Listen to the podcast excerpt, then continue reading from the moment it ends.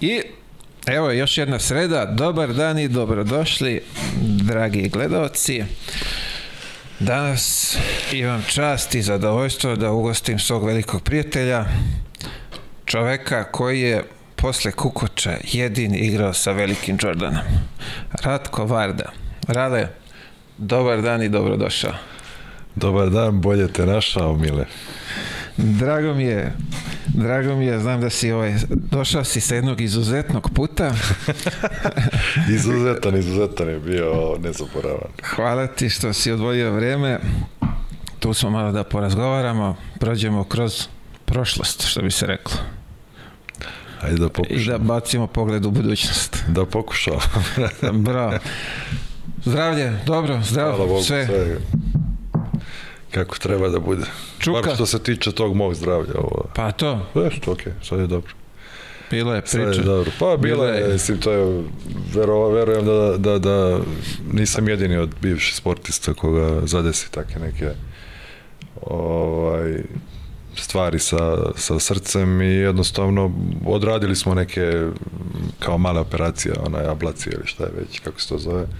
Tako da, evo, hvala Bogu, i igram basket i trčim i normalno, nemam nikakvih, za sad nemam problema nikakvih.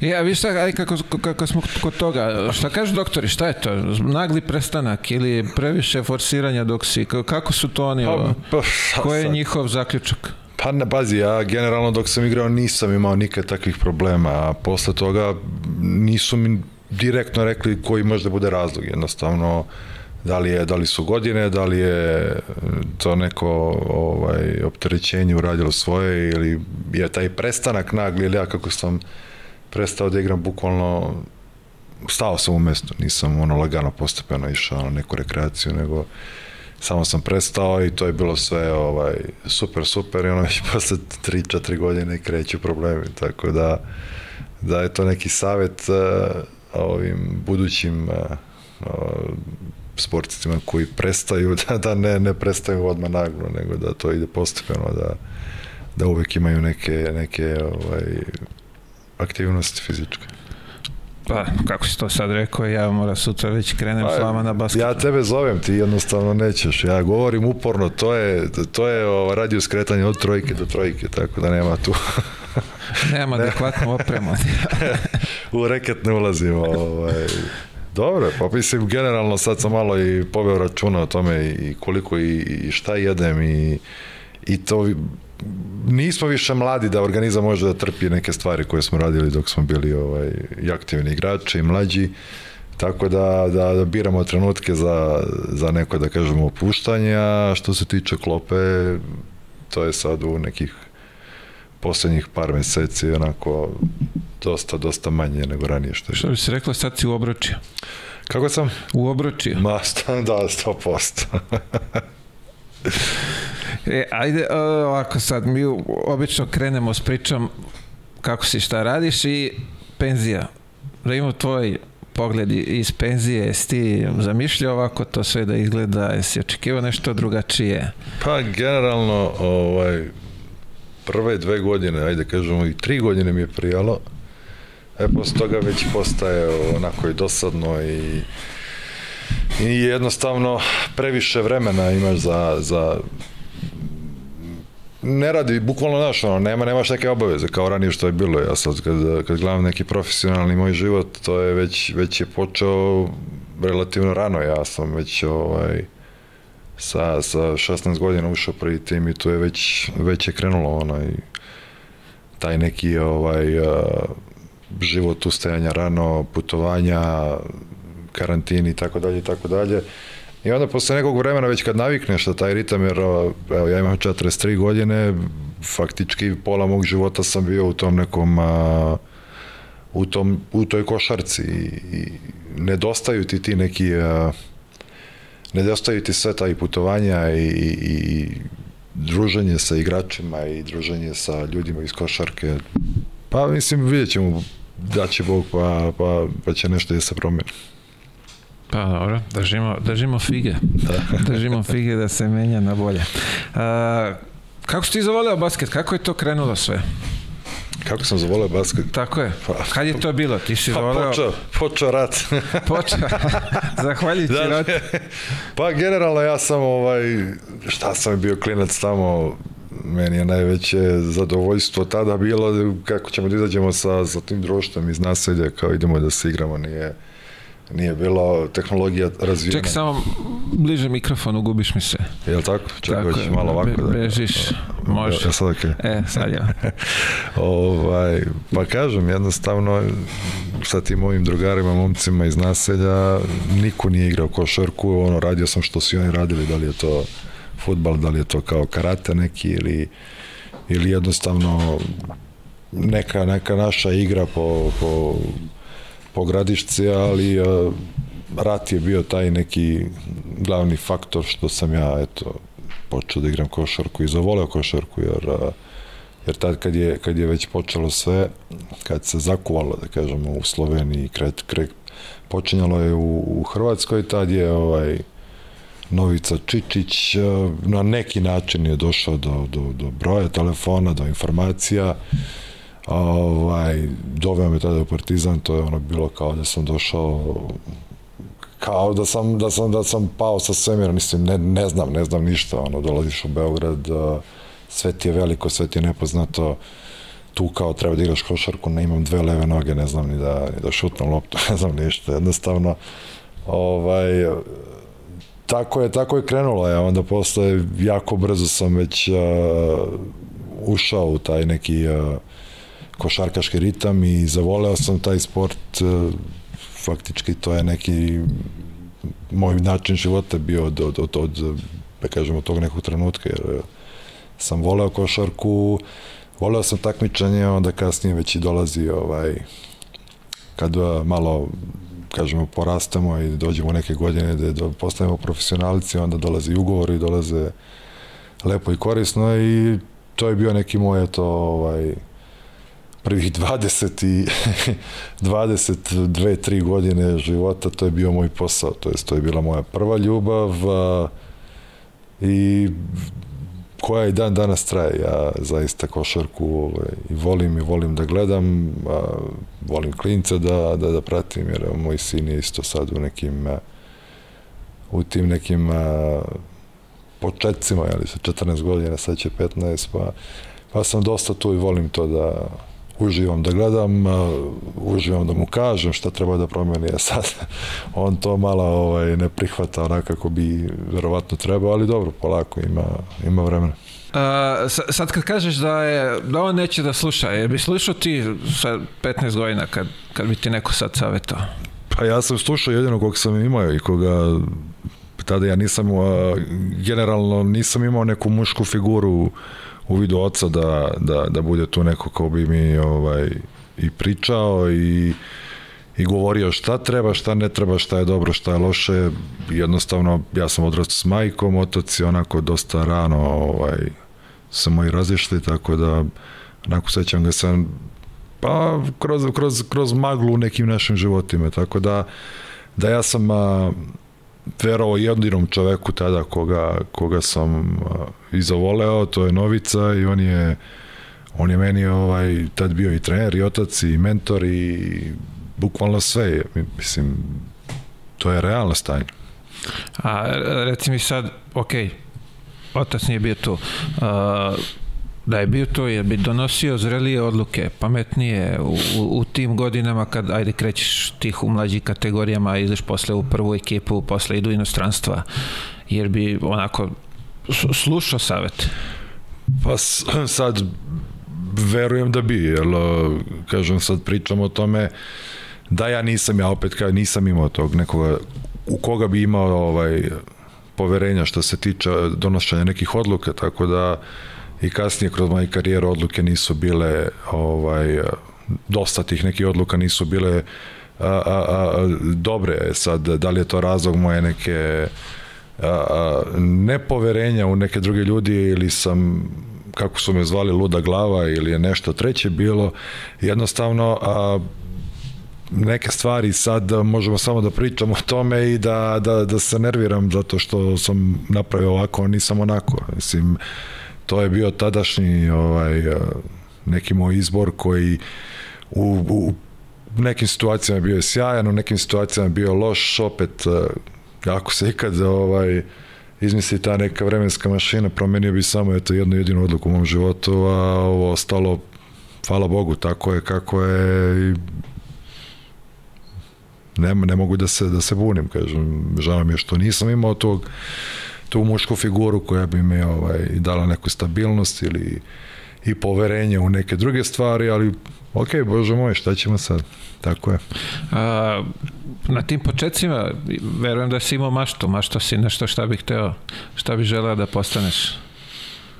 Pa ono što sam generalno želeo, to sam i postao. Ono što sam, što ovaj, od malena što sam želeo da uradim, više manje sve sam to i napravio. Sad, u dosta slučajeva to je bilo neki obilaznim putem, govorimo o toj neki, ja kažem, jednu odluku koju bi promenio sportskog u sportu, to je ta da se ne vratim iz Amerike nikad. Sad, sve ostale stvari koje su se posle toga dešavale, dobre i loše, su se dešavale, eto, zato što jednostavno sam se vratio odande i uvek sam pokušavao da nađem sebe sad. Putovanje iz jedne sredine u drugu sredinu a onog trenutka kada kad sam ja da kažem i pronašao sebe, ovaj hteo sam nešto više, pa sam onda išao na neke ovaj neke druge klubove i na par mesta, kažem, opet imao sam tu nesreću da, da gde mi je bilo lepo i kao i, i, i životno onako i, i, i ovaj, igrački uvek su se dešavale neke neplanirane stvari. Da li je, da li je to klub da je imao problema finansijske prirode ili je bilo neka moje teže povrede pa a opet kažem imao sam ih dosta u karijeri. O, tako da su kvarile neke, neko možda, možda, ja to kažem, možda još nešto više da, da, da sam mogao da napravim kroz tu karijeru, ali tako je kako je. A, da se vratimo u mlađe selekcije Partizana, ti si, ajde kažemo, bio dominanta tada tu, bile su i reprezentacije. Tvoj ulazak u prvu ekipu, s koliko godina, kako to izgledao? pa ja, pazi, ja sam počeo igram košarku sa 12 godina da kažem, počeo. To je ono kao prvi susret u Beogradu ozbiljnije. Sad ne, ne pričamo ono što smo kao klinci izlazili na koš. A, ja sam sa 12 godina počeo trenira već sa nekih a, 14 godina mislim da sam a, tada zvanično pokupio sve one nagrade koje su bile u Srbiji najbolji igrač, najbolji strelac tako dalje i tako dalje. I sad opet kažem, taj neki moj igrački uspon je i dalje i dalje ovaj a, trajao.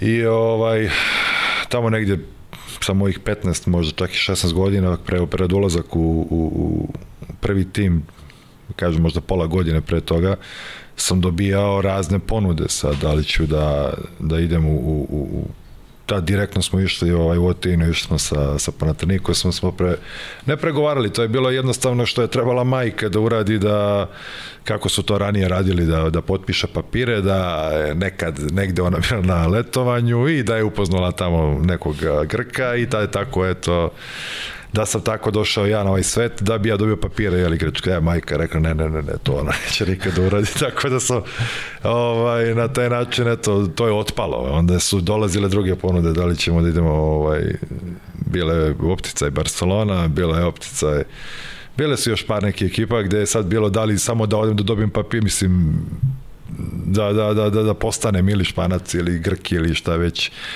a, sticajem okolnosti ili ja to kažem ovaj, zbog nekog maj, majčanog ponosa ja sam ostao u Beogradu.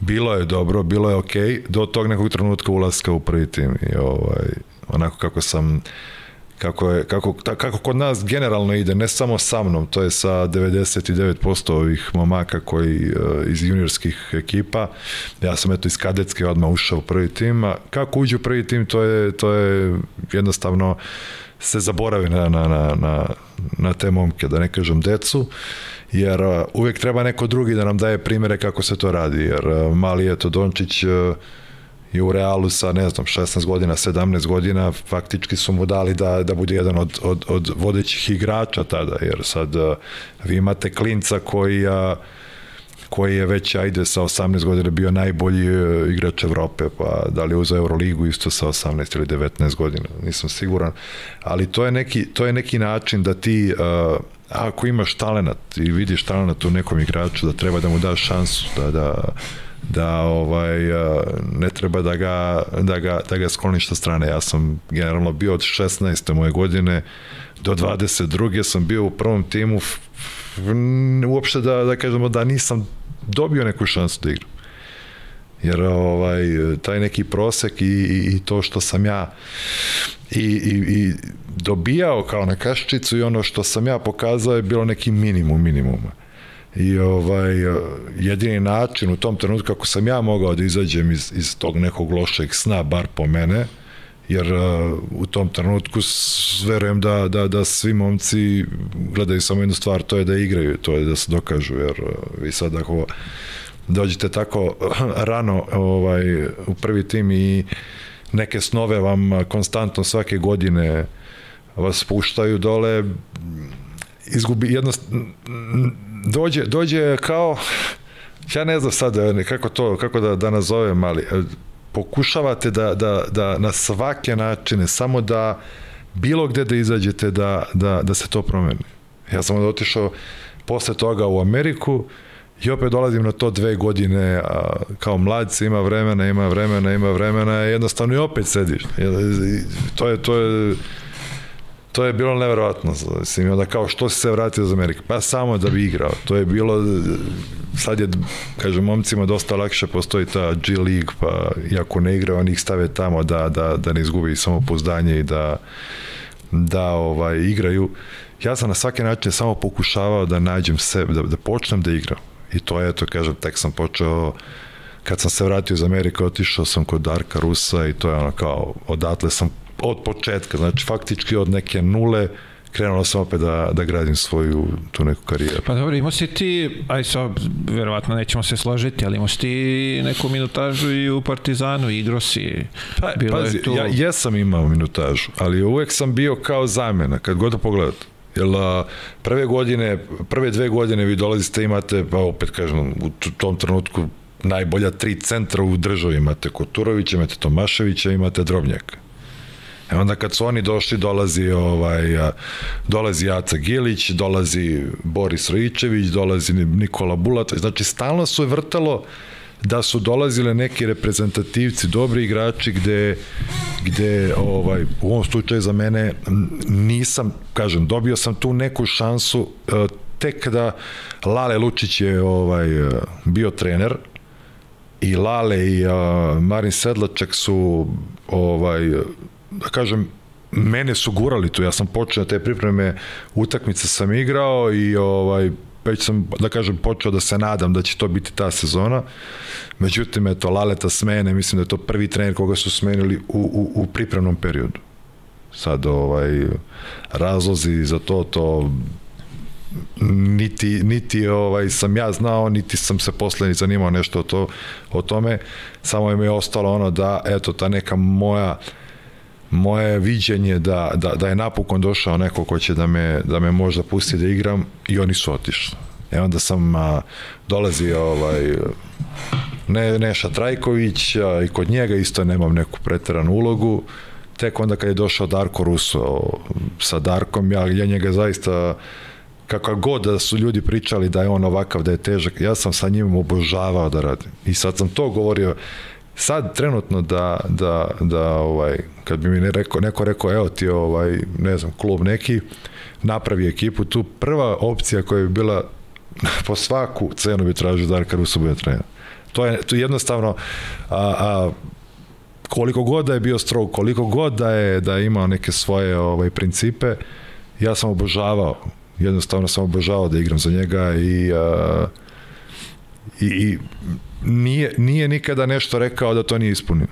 I onda ako i, i te neke na treningu i sve što smo radili, a, ako ti kaže da je, da je linija ovde, onda je linija tu, ne može da bude 10 cm levo ili desno. Znači moraš 10 puta ćemo ponavljati dok ne budeš na toj liniji. I kažem, to mi je bilo ta godina u, u Patri je ist, počela fenomenalno. Jer, ovaj, izbacili smo i Panatanikosa iz, iz kupa e, i onda par utakmica smo nešto na pola koša izgubili i Darko da ostavku, dođe Muta Nikolić i onda opet kreću oni kreću ovaj neke stvari lošije da kažemo po, po, pa, po mene jednostavno ja velika je razlika doći sa Darka da dođete na mut mislim totalno drugačiji princip i totalno drugačije ovaj... Uh... Dobro, imamo posle ovaj jedan deo tamo da, da si se opet susretao sa Mutom, pa ćemo da, da pričamo. Uh, ovo što hoću da čujemo tebe, ulazak u prvi tim i sad, evo, sad, sad si rekao bio je Kotur, uh, Tomaš, jel tako, koji je još bio na, na tim pozicijama. Bilo je starih igrača, ti, tako. Ne, ne bi da kažem da je bilo mnogo starih da, igrača da, u tome, da, ti si ušao sa, u prvu ekipu sa koliko, 16 godina, da, jel tako? Da. Uh, njihov odnos prema tebi u, u tom momentu? Pa, sad kažem, ovaj, bilo je podeljeno, bilo je par igrača, kažem, juče sam, juče kad smo bili sad u Sloveniji, pa smo ovaj, pričali o tome gde, gde Miće Berić je uvek bio tu prema meni kao stariji brat, ovaj, Ljubav Videčić isto bio onako momak ili ti čovek koji je ovaj, koga sam ja jako i voleo i cenio tada u tom trenutku kad smo igrali A sa druge strane ima bi bilo i nekih onih, a, kao i svi mi što prolazimo, pro, otišli smo u Ameriku pa smo prolazili to kad, kad si ruki pa ti rade šta ti rade. Ja sam ovaj, faktički bio ruki u prvom timu dve ili tri godine jer je bilo ono, te ajde uradi ovo, te maltretiranje tamo vamo, do nekog trenutka gde eto jednostavno do opet došao neki klik u glavi i uradio sam to što sam uradio, to nisam uradio s jednim igračom, nego sam sa trojicom sam se pobio i od tog nekog trenutka je recimo počelo ono kao alo ti nisi normalno ti si lud ili tako dalje i tako dalje, ali sam dobio neko nepoštovanje, ali jednostavno je prestalo neko maltretiranje. Sa trojicom? Pa mislim to je bilo jedan igrač, pa kasnije drugi, pa onda treći, pa tako da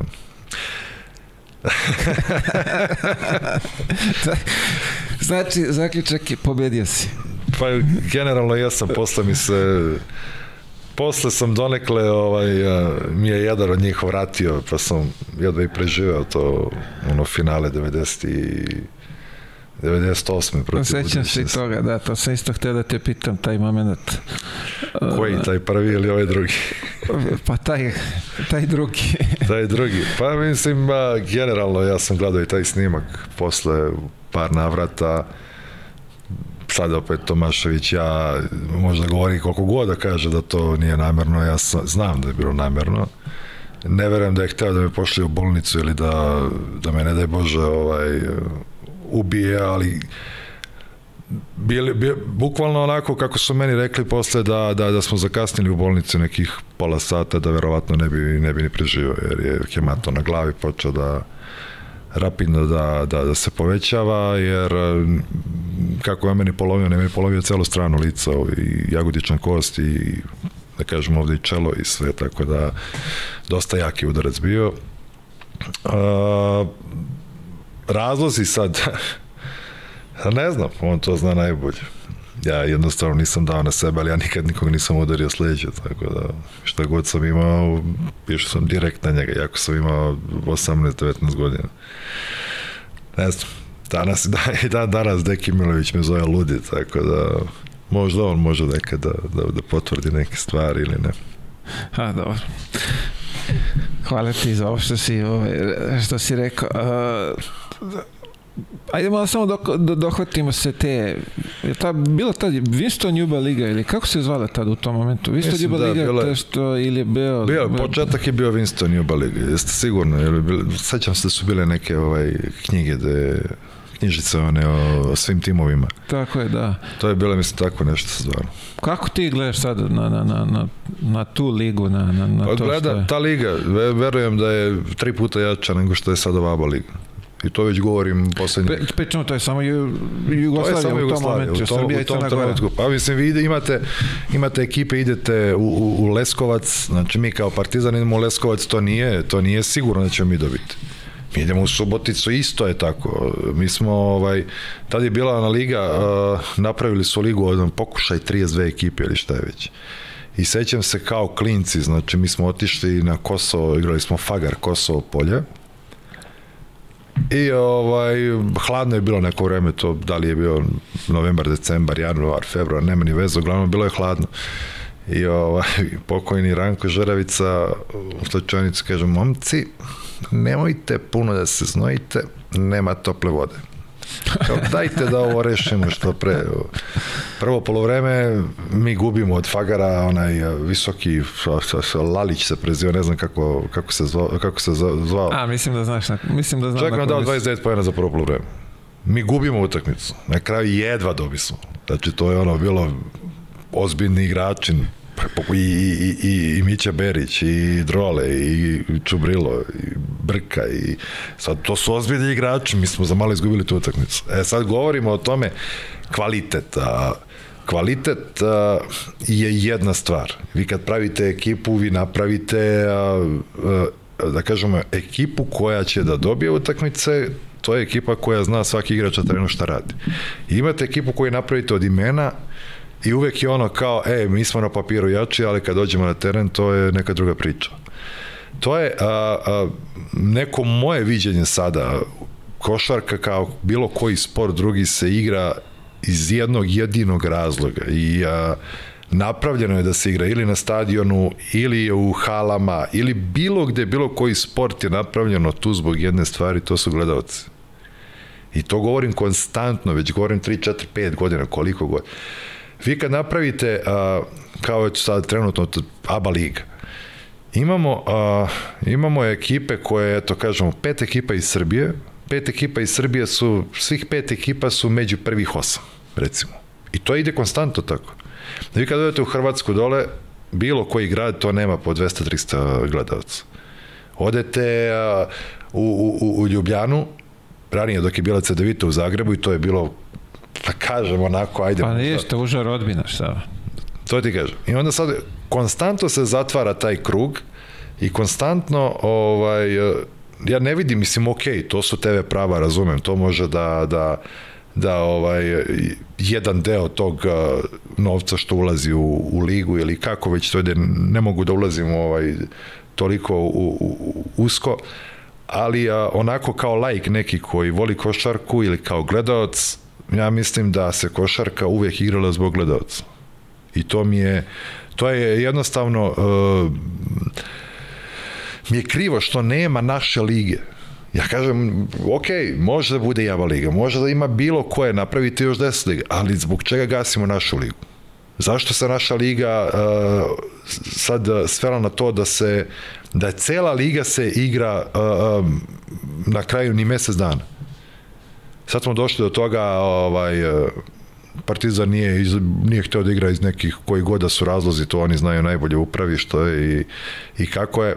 Ali dolazi se do toga da vi nemate, ne, nemate opciju zašto Partizan i Zvezda direkt odmah, kažemo, ulaziš u finale, ne zašto nismo igrali uh, svi protiv svih ekipa.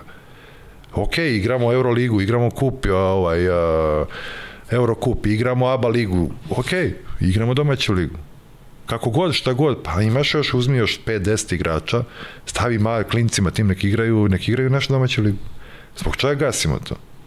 I to već traje neki duži, du, duži period i sad posle ovoga možda će izjava izaći negde, ali to je moj stav, ja uvek pričam tako. Meni je zaista krivo, meni je žao što, što jednostavno ne vidimo to. Zbog čega nemamo uh, jaku ekipu u, u Subotici? Što nema jake ekipe u Novom Sadu, u Leskovcu, Kraljevu, Čačku? Čačku ima, eto, ali Kragujevac je ugašen opet. Sve ekipe na kraju se uvek svodi sve na Beograd. Crvena zvezda, Partizan. I to idemo u krug stalno. Uvek u krug. Uh, vidi, ja, ja sam i dalje, bio si ti, igrao si u, u Litvani, onaj njihov način lige i funkcionisanja, ja sam tim oduševljen. Nema ih mnogo, ima ih 10 ekipa, četiri kruga se igra, dužni su i Žalgiris i uh, kako se zove, pomozi mi Ljetos. Ljetos da igraju i pri tome svi igraju neko drugo takmičenje. Da li Baltička liga, da li Eurocup, da li Liga šampiona, kako se već zove, svi su dužni da igraju i oni igraju ne, i tu nema nikakvih... Pa to ti je, ovaj... mislim, ti moraš da štitiš, pre svega ti štitiš svoje, pa onda štiti ostalo. Mislim, to, to je logično, to ja jednostavno ne, ne mogu da razumem, možda možda su neki drugi faktori tu koje ja ne, ne mogu da dođem, ali ne razumem zbog čega se, zbog čega ti ukidaš mogućnosti uh, našoj publici da ne vide Partizan i Zvezdu. I i Megu sada i, i Borac Čačak i kako god. Jer ti gledamo, imamo Abo ligu, imamo FNP, imamo Megu, imamo Zvezdu, imamo Partizan. To su četiri ekipe iz Beograda. Vidi sad kad si spomenuo Megu, meni isto nije jasno zašto Mega, evo žele, Železnik sad ove godine ulazi Evropu da igra. Zašto oni ne igraju drugo takmičenje? Pa to ne znam. Oni su odigrali, evo kad pogledaš ovako, oni su odigrali 28 utakmica u, u toku sezone. Pa, pazi, uh, Mega ima drugi način rada i taj način rada je nešto što je jedna da kažemo, bar po meni, to je jedan a, pozitivan špric ono što se dešavalo u, našem, u našoj košarci. Jer opet kad gledamo, a, možemo mi da pričamo da li je ovaj, a, a, a, a, Miško ovakav ili onako. Miško je jedan profesionalac, jedan mađioničar i čovek koji a, jasno zna šta hoće, to jest jasno se zna šta je šta treba da uradi sa Megom. Mi kad pogledamo Partizan i ajde o Zvezde, ne, ne mogu o Zvezde, ali govorimo o Partizanu. Od tih nekih domaćih igrača, znam da sam ja otišao poslednji iz Partizana, ne znam da li je Kosta Perović otišao i direkt iz Partizana, nisam siguran, ali kad pogledamo u nekih poslednjih deseta godina, da li je neko direktno iz Partizana otišao, jeste Jan Veseli. Ti pogledajte iz Mege svaki... za NBA. Za NBA govor. Znači oni rade, rade po meni ja na onako kako su oni verovatno što imaju u, u klubu e, ko je odgovoran, da li Goran Čakić, da li neko drugi, ali rade fenomenalan posao. To mislim, može, možemo mi kao nekog, da li neko voli Zvezdu ili voli Partizan više, pa da pričamo a, a, zbog navijački nešto ovaj, što, se, što se nama sviđa, a nekom se ne sviđa. Ja lično, to je neki a, moj stav. Ja jesam veliki partizanovac, ali ono što, što radi Mega i što je Mega uradila za, za srpsku košarku u poslednjih par godina ja, ja lično mislim da je to, da je to ovaj, jedan lepi pozitivan špric. Vidi, da prave ozbiljan rezultat što se toga tiče za, za NBA, slažem Ček, se. da, da pustim parking. Slobodno, ali hoću ti kažem, ja mislim da, da njima treba utakmica, da im treba ovaj, da kroz utakmicu mogu da dođu do iskustva, a da je ABA liga samo igranje jednog takmičenja malo za te mlade momke. To je ono, to je moje mišljenje. Pa se, se... A u mogućnosti su, ne da pa, kažeš, ka, nemaju okay, para kao ne mogu. A, a sad ti pogledaj drugu, drugu stranu, ovaj, e, drugu stranicu te knjige ili kako. O, imaš mladi igrača. To e, starijim igračima odgovara. Ja lično kad bi mogu da igram tri utakmice nedelju bez treninga, to bi bilo fenomenalno, u nekim godinama poznajem, jel tako? Vi kad imate klinca 18, 17, 19 godina, njima ne trebaju utakmice, njima trebaju treninzi. I to je ono upravo što dobijaju u Megi. Oni su, oni su dobili prvo a, a, a, sa Dekijem su dobili to, sad je došao, je bio je Vlade tu, sad ne mogu sad, ne sećam se ko je novi trener, ali oni imaju neki, neki svoj a, taj princip rada i, i može nekom da se svidi ili ne. Ja mislim da da je ovaj za mlade igrače je jako bitno koliko i kako treniraju trenutno. Ne, vidi, slažem se s tim, a ti kažem to sve što radiš na treningu, ti to treba negde da primeniš.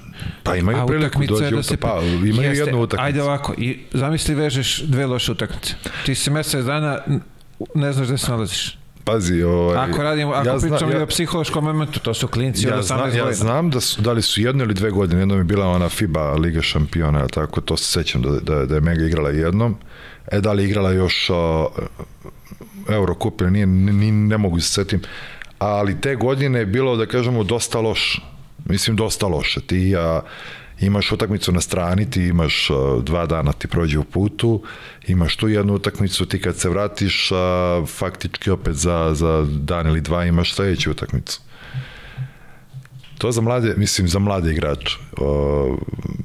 Ako, ako ovaj, da nema toliko i putovanja i da nije da, da se ne gube neki dan i da je to kao recimo Amerika da ti sedneš na svoj privatni avion, odeš, odigraš odgnicu, vratiš se isto veče, to je druga priča. ovako dosta se izgubi. Ba, to je moje mišljenje. to Dobro, je ja moje kažem, ovo isto mišljenje da treba više utakmica, Dobro. da je 20-30 utakmica za sezonu malo, to je onda već u, u, u 60-im si, tad je i Kića i Praja su igrali po 30 utakmica u sezonima. Ali nebitno, ok. Uh, vidio, spomenuo si Harisa Brkića, bio si s njim, molim Da. te, malo dočaraj nam kako je to izgledalo. Šta? Biti Pa pored ja sam, njega, ja sam, bio, ga. ja sam bio klinac tada, na, on je bio ta dve godine, mislim, u Partizanu, pa je onda otišao u budućnost, pa posle se vratio te ovaj, a, a, nesretne, jeli, 90 i... A, čekaj, kad je on ubijen? 90... Slavićete, ja mislim, deveta, ali tako nešto, 2000, Ne, ne, znam. 98, mislim, ne. Ili 2000. Ne, 2000, mislim da je.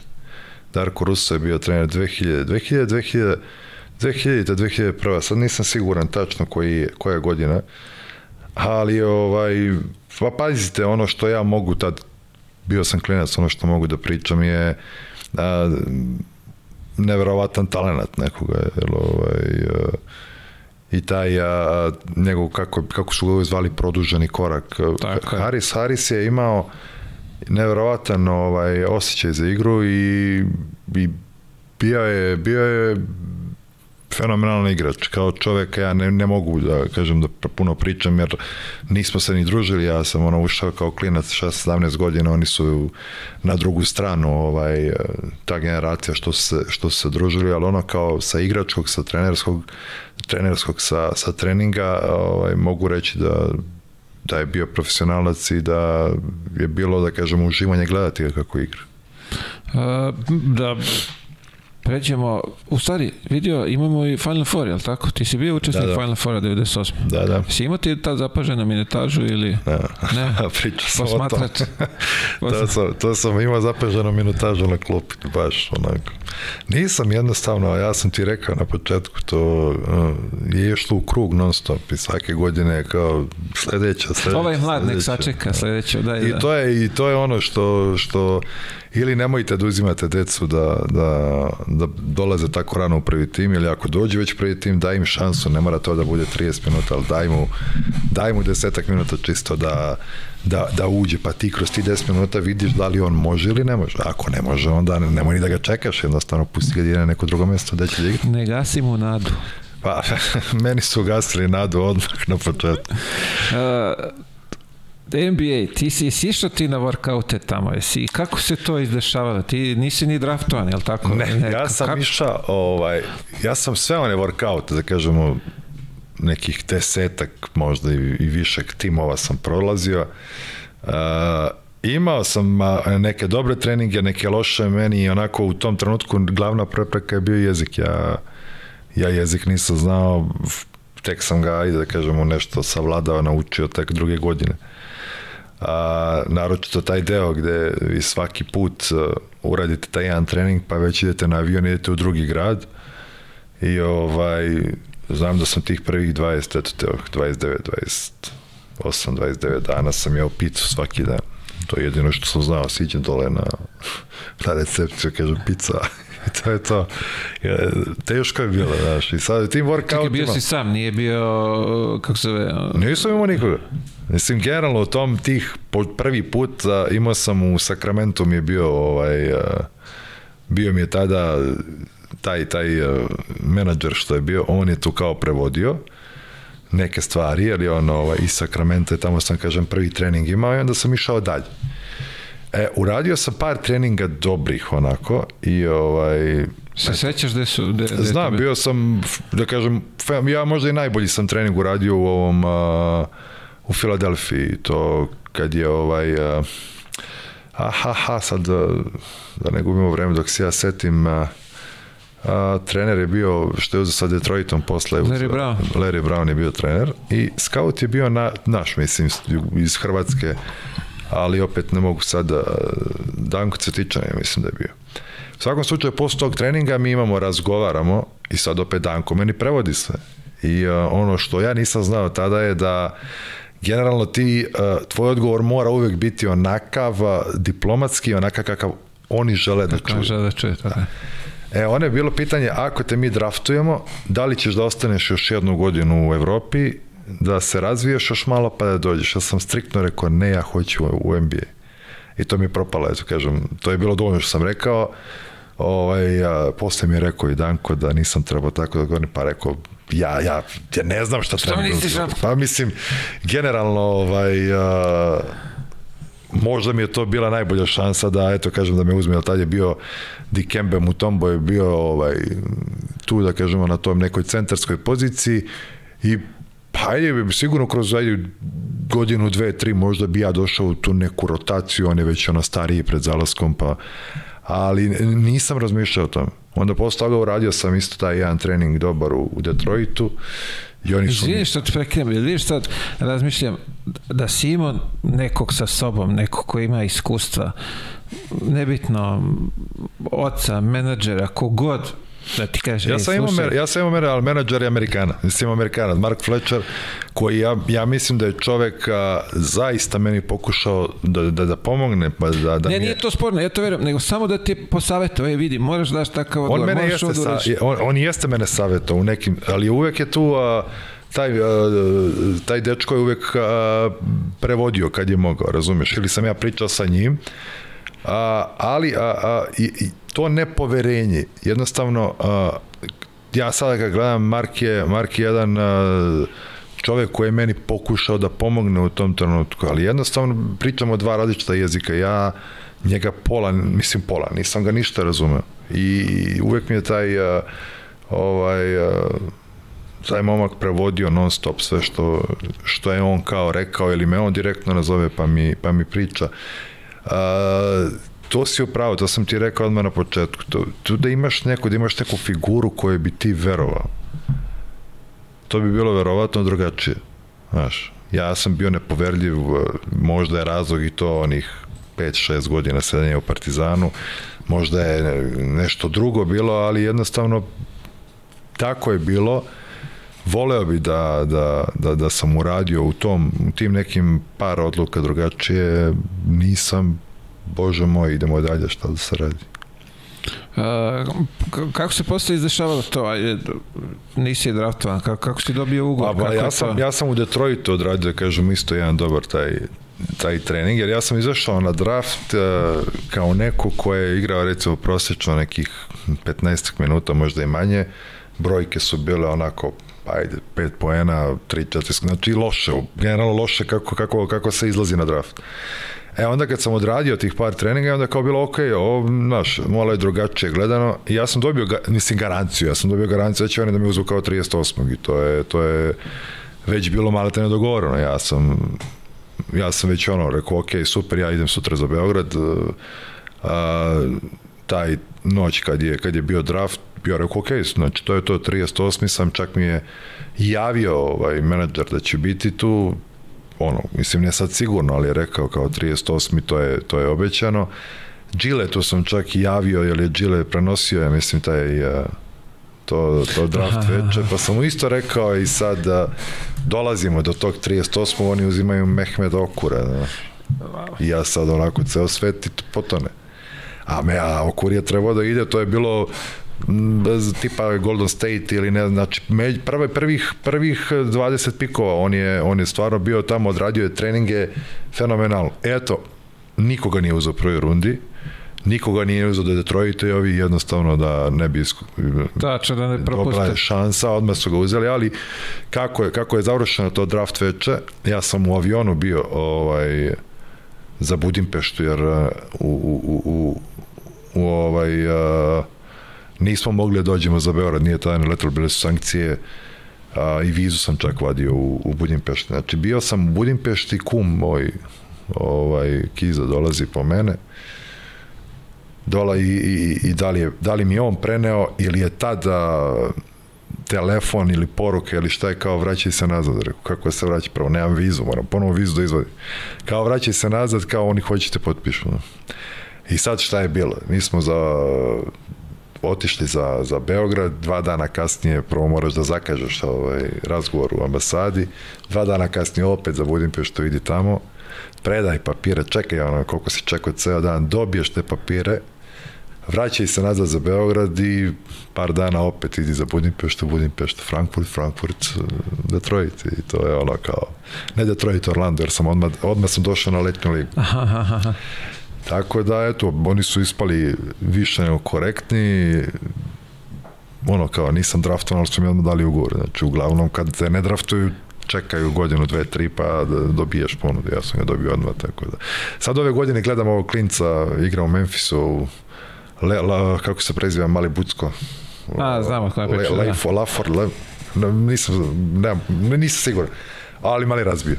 Sad gledam, mali razbija, nije draftovan, rekao, aj dobio ugovor 100%. Čekaj, sad uh, letnja liga, tvoj, to je već onako, kažeš i utakmice i nešto to malo ozbiljnije. Letnja Kako liga, prva utakmica Orlando Magic, 7 minuta 12 poena, stavljaju me na klupu, ne ustajem sa klupe, druga utakmica ne ulazim, treća, ja već nervozo, šta je? Kaže, videli su dosta, da te neko drugi ne bi video, dobio si ugovor, to je to. Se jebaš. Majke. Čekaj, imaš kao- ti ugor, kažeš, da- kakve veze ima sad? Ne, išao si prvo, išao si prvo na tu letnju ligu. Sad sam, evo sad, znači ja sam dobio ugovor posle toga. Aha, aha. Znači išao si na letnju ligu, to mi je rekao da izvini, ovaj, zato me izvao menadžer kao vraćaj se nazad, imaš letnju ligu. E onda posle te letnje lige, ovaj, ja sam dobio ugovor, jer nije, nisi mogu da potpišeš, oni imaju, imaš, imaš one datume kad je dozvoljeno potpisivanje, prelasti, kako već. Ali je to bilo onako, ja sam 7-8 minuta odigrao 12 pojena, samo je bilo na klupu, ja još gledam još, e, Jaka Laković je bio sa mnom tada, znaš, Jaka je igrao isto ovaj, letnju ligu. Ja onako gledam, rekao, čekaj bre čoveč, ovo, razbio sam što ja ne igram. I kao, ej, videli su što je trebali da vide, to je to. Završio si posao za rekao, šest okej, minuta. To je to. Malo više od šest, ali, ali mislim da deset nije prešlo. Carski. Posle Detroit gore, trening kamp, sve uredno.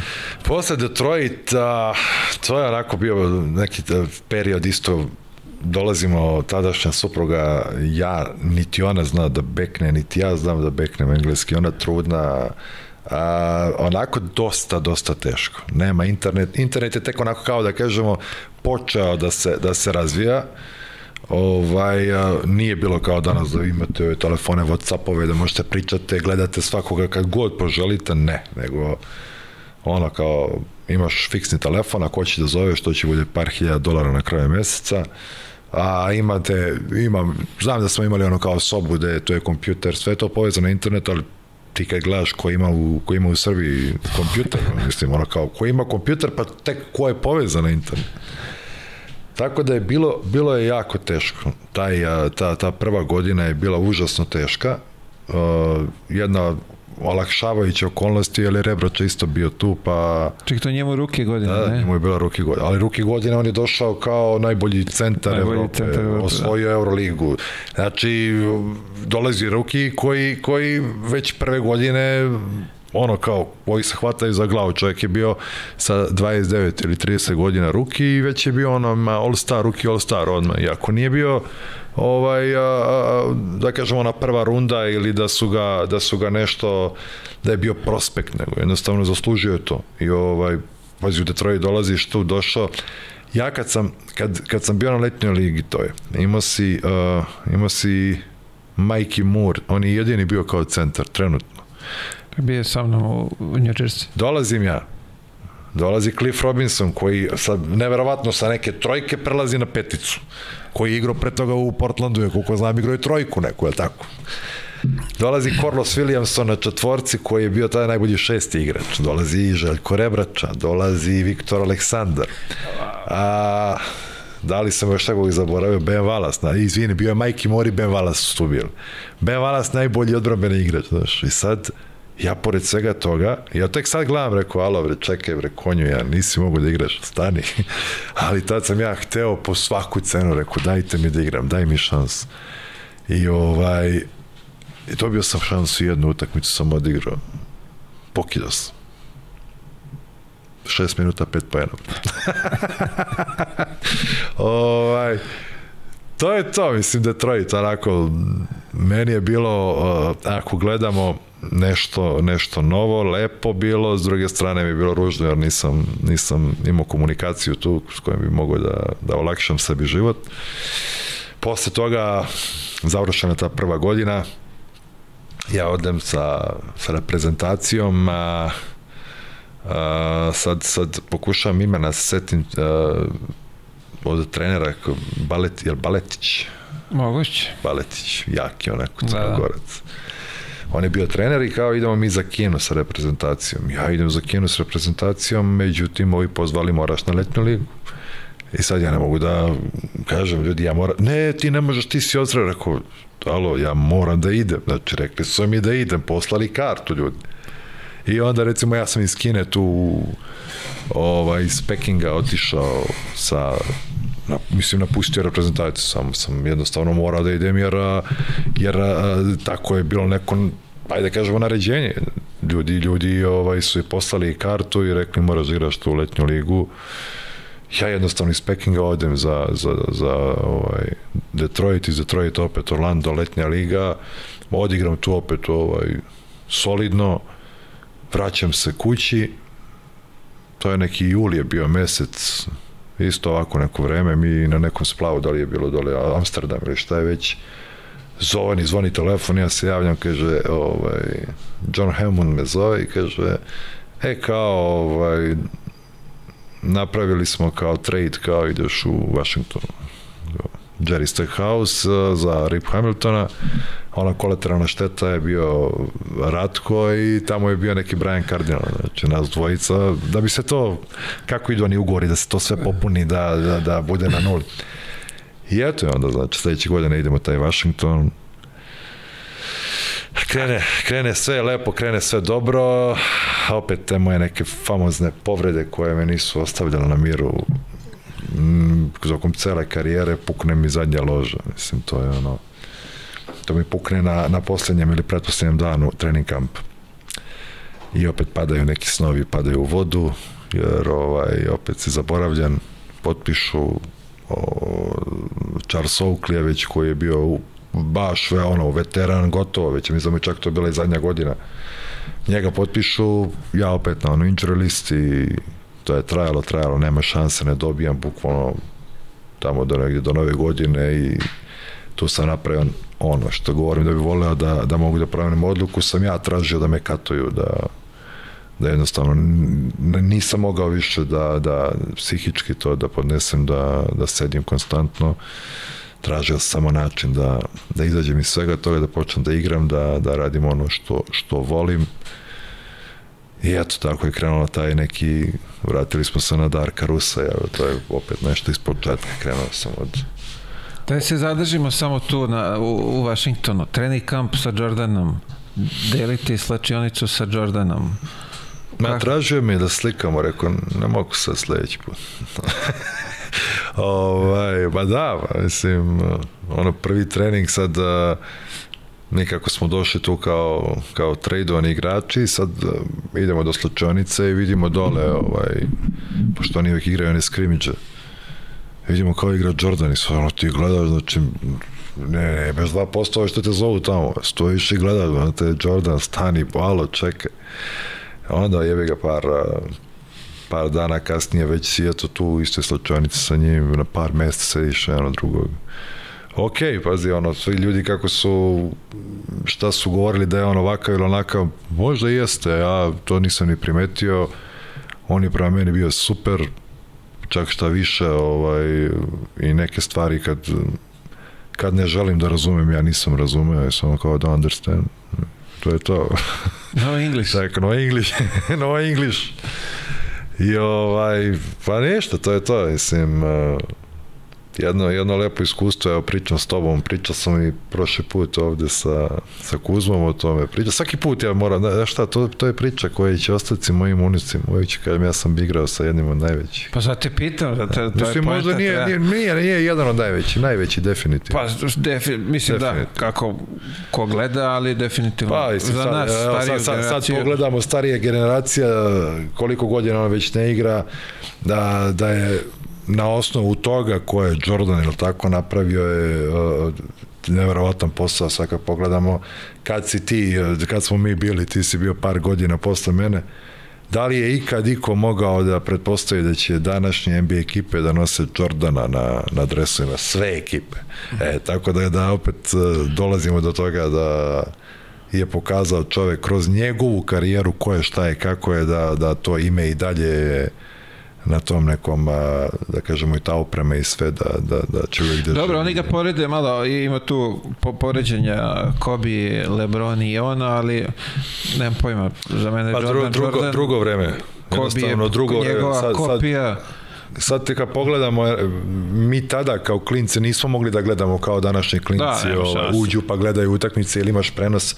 Mi gledamo kad dođe neka kaseta, kad, kad neko negdje pošalje i ti uzmeš i gledaš onaj, kao imaš da li je tad bio Eurosport ili on je bio neki, neka, neka druga ovaj, televizija, pa ti pusta na NBA Action, brate, od pre, znaš, ono kao mesec dana i sad ti to gledaš drugačije Mislim, tada košarku, ja sad kad uzmem te neke utakmice gledam, čekaj, oni su se tukli kod... Ne, ne, to je bilo, da, to, da. U to vreme da ti, da de, de je taka fizikalija bila i sadašnje ovo vreme gde, gde plaču, gde, gde o, fintiraju deset, ne, ne deset puta, nego kako se zove onaj, kad, kad flop, flop flopinguju, Flopping, znaš, da. kao bacaju se dole, ovaj fintira pa da ovaj skoči, on se baci u njega da bi dobio tri penala i tako to čekaj, to se ranije ništa nije zvalo. To je, to je ranije bila Dok te ne, ne, ne trese od poda, nema, da, nema faula. To, sad je namerni faul, no kao kad pogledam šta zovu nameran faul, to je strašno. Mislim. Dobro, sad je ono malo nešto okreneš se tehnička drugačije. Mekano, što bi se rekla, u stvari ko igra tamo zna da nije mekano. Ni pogledamo, to. pogledamo vreme kad je on igra i pogledamo vreme ovo današnje drugačije totalno, zaista zaista jeste Lebron uradio to što jeste i sigurno će za narednih možda dve sezone da prestigne ovog, koga, komu još ostao Džabar, je tako? Pa vidi, ali to ako se ja dobro upratio, to je po regularnom delu. Ne nema računa se play Ne, nema veze, on, on je sa, regu, sa regularnim delom je fazon 1000 i po pojene iza, tako da verujem. Ne, ja mislim da je on prestigao po nekim, ali nešto fali. Po play-offu ili kako. Ne, ne, da, imaju ne, neko to njihovo merenje, ne znam kako ide, ali složit ćemo se da Lebron sve pored sebe čini mnogo boljim Tako i efikasnim, da, što ajde za Jordana i gledajući jest, nije baš tako bilo. Pa, pazi, Jordan je imao sreću da, sreću, da imao, imao je Pipena u sebe, imao je te igrače koji su radili to što su radili za njega, mislim, ne možemo sada da poredimo i Jordan je isto imao prvih 5, 6, 10 sezona isto je bilo Dobre, da, razume, da. sve dok nije dok nisu kockice u, u, uklopljene kako treba da, uh, ok kažeš, kažeš se zbog povratka ne bi sad kad bi mogao ne, ne bi to sigurno uradio a povratak u Evropu jesi onako jel ti bilo teško jesi jel ti bilo žao što ideš ili ono bilo pa, vraćam se u tom trenutku se, nije ne. ne u tom trenutku nije a, ja sam još jednom pokušao nešto mm, iz Kijeva posle Kijeva sam ja otišao opet tamo na, na workout i, i bila je dobra šansa da ja možda ovaj, i ostanem tamo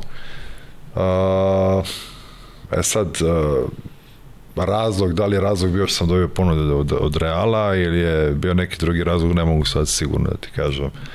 Ali jednostavno, eto, taj pokušaj nije završen uspešno, ja sam se vratio, otišao u Real Madrid i onda, eto, generalno tu sam ostao do, u Evropi do, mislim do kraja, posle sam otišao malo i ove naše ne naše, ali one kao azijske krajeve, ja kažem naše, a tad je Liban ono kao pogledaš e, u svakoj ekipi po, po, po jedan naš igrač. Tako da... E, povratak u, ajde ka, ne povratak, ti si više puta bio u, Slo, u Ljubljani, ili tako? Dva puta. U, tako je. Prvi, ja sam, prvi put sam iz Amerike kad sam došao, jer sam ja napustio, da kažemo, Washington uz tu neku, kaže, menadžerovu koja je rekao da, da imamo ugovor sa Olimpijakosom na, na, na stolu, da ako, ako ja hoću da se vratim, mada on to nije bio da se ja vratim iz Amerike, ali ako ja već sam tako odlučio da imamo ugovor na stolu, ja kad sam ovaj, jel te, tražio taj kat, uh, posle toga rekao gde je ugovor, kao pa ne, ne, nema ga naš, odjednom je kao nema ga, nestao je I ovo je moje bilo kad se vratio šta će, kako će, evo ima Olimpija, idem u Olimpiju i to je bilo tih par, par meseci. Posle toga sam se opet vratio u Olimpiju, koja je to godina? Ti si, ti si otišao u Zvezdu, je tako? Tako je, 12. Da, ja mislim. 2012. Da, Jer tu sam ja imao sa Karijem i sa, i sa Čovom smo imali razgovor i ovaj, Gde je zapelo? Pa zapelo je, jer ja sam bi tada rekao, ako, ako me bude zvao Rajgel, da, da je to jedina, kažemo, prepreka. Ja sam imao o, o, ponudu od Zvezda, tada Zvezda ova, znači kad, je, kad se sve izdešavalo, ono što se izdešavalo sa FMP-om, pa je onda to ovaj, a, to je sa ovom zvezdom, oni su gasili, tako, pa onda FMP promenio ime, pa, pa, pa je došao Kari a, kao trener, daj to sve da se vrati, da se to opet digne. Ja, meni je žao, i uvek ću to govoriti, žao mi je zbog Karija, jer a, jer a, ranijih tih nekih, a, ja sam igrao s njegovim zetom, a, u Prokomu i znam da je dolazio par puta da gleda nas i da je prvo ono na večer što je rekao kada ti si igrač koga ja hoću, znaš, kao igraš onako kako, kako bih ja voleo da igraš. I prvi sam im, da kažem, bio taj neki, kad je on došao kao trener, da, da porazgovaraju sa mnom. Ja sam tu, onako usmeno smo, ja sam i rekao, ok, to je to, dogovor, ali ako ne bude zvao Rajgel, ja bukvalno kako sam otišao, ja sam bio biciklom, ovaj, kad, smo, kad sam otišao sastanka, dole sam na Adu otišao da se nađem sa kumom Dozetom i još ovim jednim drugarom. I tu negde u toku dana me nazva Rajgel i ovaj, ponuda je bila da kažemo onako jedno 30% veća nego što je bilo od Zvezde, ali bila je nesreća i uz to je igrala Olimpija Euroligu, Zvezda je, ne znam da li igrala ule, tadašnji ulep ne, ne, ne, bilo ništa, samo je bila Aba I ovaj, ja sam se odlučio za to, otišao tamo, ekipa kao ekipa je bila fenomenalna, sve je lepo napravljeno, ali eto, došli smo opet do onoga što kažem, neke nesrećne okolnosti, to je finansijski, gde sam imao a, tu nesreću da sam u tri ili četiri kluba tamo gde sam se ja počeo lepo osjećati koji su to sam primetio da, da, da si na par mesta to, to je da, stran, da je nestalo je, para da. I to, ti da odeš ti ugasiš klub. Pa, očigledno. Tako da, ovaj, to sam i ranije rekao, meni je, meni je žao jer sam uh, ispao onako... Kakav bi ti Delija bio? A, a pusti Delija. Aha. Ja sam, ja, sam, ja sam zvezda. Kako ja sam, bi ja te sam... preveslali na drugu stranu, po ti bi se istetovirao tu bio i, da, i, da, i da. grb i sva nacrta Nije to druga, pazi, nije to druga strana. Ja, ono, kako gledamo, o, u mojoj familiji svi su, svi su zvezdaši bili. Ja sam eto jedini, jedini grobar. Crna ovca u familiji. Pa, se kad gledamo, znaš, ovo, ti, tebi se nameće, ti ne, nemaš ništa drugo, ti ga uklinac samo ide kao zvezda, zvezda, A dobro, zvezda. tebe je Novica Čičić na, na vreme. Pazi, isto tada i zvezda mogla da me, ali nije me, mene zvao. A dobro, ta zvezda nije znao da je debije. Nema ni veze, u svakom slučaju, hvala Novici za to i šta drugo kažem. Ovaj, ne znam, kažem, Partizan je, ne, ja sam ga zavoleo, ne, možda baš zbog tih mlađih dana gde, gde sam imao savršeno i društvo i, i kumove čak iz, iz te generacije su mi ovaj, ostali za ceo život. A, nešto čega ću uvek da se da sećam u onom, onom lepom. To je, to je nešto što uvek ću da, da, da, da kažem i hvala i Novici što me doveo tada i eto to je to sad tu Čekaj, posle ovaj, uh, sledi Grčka, je li tako? Posle, posle Olimpije. toga idemo Grčka kod Rusa, to sam onako malo već nešto i rekao. Hoće ponovo da pričam o tome ili ne? Pazi, ovaj, bila je Grčka, to je ekipa koja je ušla iz druge lige, to je Apollon Patra. I sad isto je bilo menadžera, čekaj, stani, nemoj tamo, oni su sad tek ušli iz... Naći ćemo bolju opciju. Ja sam hteo po svaku cenu kod Arka da idem, I rekao sam, ne zanima me, hoću da igram. Znači, otišao sam tamo, tako je krenulo je fenomenalno i za mene i da kažemo i za nas kao ekipu, ali u toku sezone kasnije su ovaj, neki nesretni porazi došli i Darko onaka kakav jeste, on je dao ostavku, popakovao stvari, čak sam mu ja dao auto, jer sam ja došao u kolima, pa sam mu dao auto da, da se on vrati ovaj, za Beograd. I onda je došao ovaj, e, Miroslav u, u, u Patru, da onako, to sam i ranije Kuzmi pričao, zna i Kuzma se seća toga, da smo bili nas dvojica jedini, onako kao naši domaći igrači, koji, koji eto, mu to ne priča engleski, to je sad kad hoće samo kreće nama da to je toliko na počelo. koga će nego na vas. To je to i kad jesi i kad nisi, toliko počelo već da, da, da bude ovaj, da ne kažem iritantno, ali nema veze, ne, nećemo, nećemo da idemo u detalje. Ajde ovako, je se, je bi se složio ti sa mnom da si najbolju košarku svoju igrao u Bešiktašu? Da, definitivno. Pa pazi, sad imamo, imamo dve, imamo dve, to je Bešiktaš je definitivno, pazi, to je posle Apolon. Ja odlazim u, u, u klub koji Sad vi kad pogledate i dan danas Turska liga, to, to, to vam je a, ovi bogati klubovi oni su tu gde jesu. Ranije Fenerbahča nije bio na mestu kao što je sada, ranije ti je bio Ulker tu. Bio Ulker, bio Ankara, je li tako? Ankara je bila... Bilo ti je, ima si Ulker, ima si Efes, ima si dole a, Tuborg, a, ovi, kako se zove, iz a, Izmira. I, ima, si, ima si 5, 6, 10 ekipa onako koje uvek su bili veliki sponzori kao ovim je bio Tuborg, ovim je bio Efes, ovima Karšijaka, znači to su neki, ili su ili su ovaj da kažemo alkoholna pića, po tomu su dobijali jeli, imena klubovi ili je dole neke prehrambene industrije. Tako kao što je Ulkir, kao što je Kršijaka, kao još ne znam kako je sad bio. Tamo je Turk Telekom uvijek bio. Turk Telekom. Pazi, Turk Telekom je uh, i tad je bio nevjerovatno. Ne, oni su bili... I mi dolazimo, sad ja dolazim u Bešiktaš u ekipu onako koja, znaš, ono, tu su bili su godinu pre toga, nemam pojma, što ono kao, da li su među osam jedva bili ili nisu. Ulazim ja i ulazi samo taj Khalid Elamin koji je isto bio godinu pre. I sad imamo nas dvojica. Kako je to igrač bio? Nas dvojica i ovo su sve Turci. Nije kao, kao sad, ti imaš uh, biraš, imaš 10 stranaca i uzmeš neka naša dva, tri ili ti, ne naša, ali ajde domaća ta turska igrača koji ni ne igraju i nema broj ovaj, a, ograničenja neki gde sad svi, ono, petorci možda ti bude pet, pet stranaca, tako da ne kaže pet stranaca, ali ovaj, da, u to vreme, u to vreme se, znači, idemo Kalidija uh, i imali smo još jednog stranca uh, ali ti, ti u principu ne možeš, moraju valjda tri turske igrača, tada je tri turske igrača moraju da budu na terenu. I mi smo sa tim ušli u finale i to smo ušli u finale imali smo dobru šansu, mi smo mogli da dobijemo Efes tada.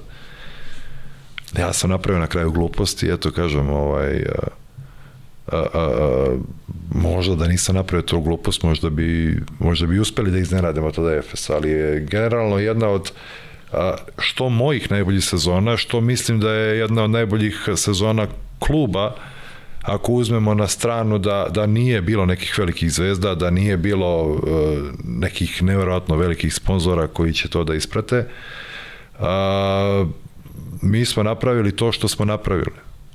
Ja kažem da nisam bacio taj dres. E, to sam teo isto, šta se tu izdešavalo? Pa, kako, bazi, je, kako je to? Mi smo, uh, pa, bacim dres. Ja sam dres bacio te sezone još dva puta, bacio. To je sad ono, iznerviraš se, ne znaš ni šta ćeš, pa na klupu kad izađem, ja sam od, od tog nekog besa uzmem, ne, ne, ne znam šta, nisam ja njega pocepao kao što je ranije bilo preneseno. preneseno ja sam skinuo dres i bacio sam ga pored klupe. Znači, uh, skinu, to sam uradio protiv Tuborga, to sam uradio protiv Ulkera, ali protiv Tuborga i Ulkera mi smo vodili tada u seriji. Ovamo smo izbacili Tuborga, ovde smo izbacili Ulkera i nikom ništa. Mi smo ovaj, protiv Efesa, pošto smo izgubili oba puta u, u sezoni, oni su krenuli kao 1-0 u play-offu. Drugu utakmicu, to je prva play-off utakmica, mi smo vodili 10, uh, nije 10, ali 7 razlike, par minuta do kraja. I onda izbace Kalida, izbace mene s pet faulova, mi izgubimo na kraju par pojena tu utakmicu, treću dolaze, to je drugu, ajde, sad, kako da, da govorim, da li je treća ili druga utakmica, ali je već 2-0 za njih, zbog onog kako se ulazi u, u play-off, zbog dve, dve pobjede u, u prvenstvu, mi dobijamo njih onako relativno lagano.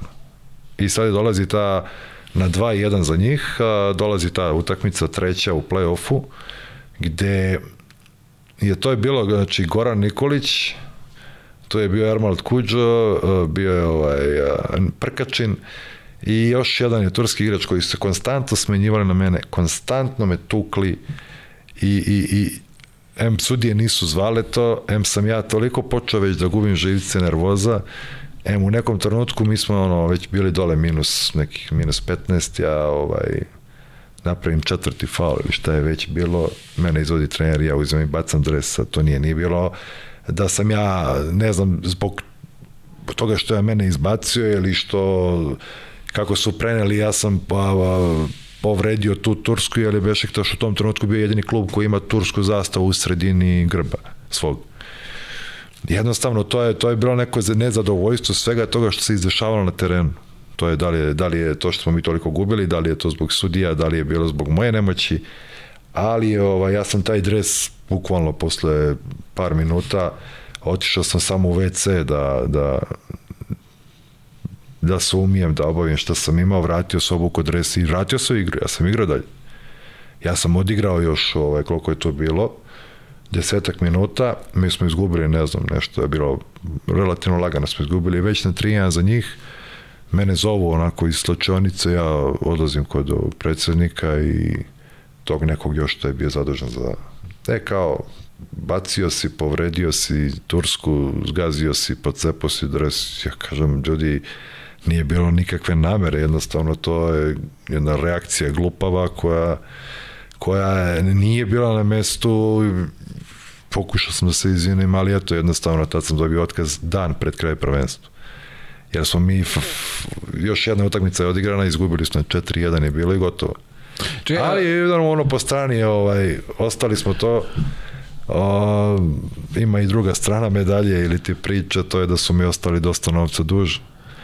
Evo da na osnovu toga, pošto sam dobio otkaz, oni mi nisu dali ništa od toga, jako su ti dugovi bili mnogo ranije nego to nije a, nešto što su trebali tek da mi daju, ne, to su dugovi za neka neke dve, tri plate koje su oni kasnili i nisu mi nikad to isplatili. Dobro, oni su videli način pa, kako tako, da mislim to... da verujem da ima i toga. Ja jesam napravio glupost, ne mogu ja sad da da kažem da sam uradio onako sve kako treba, ne, na, jedna velika glupost koja nije trebala da se desi, jednostavno se desila.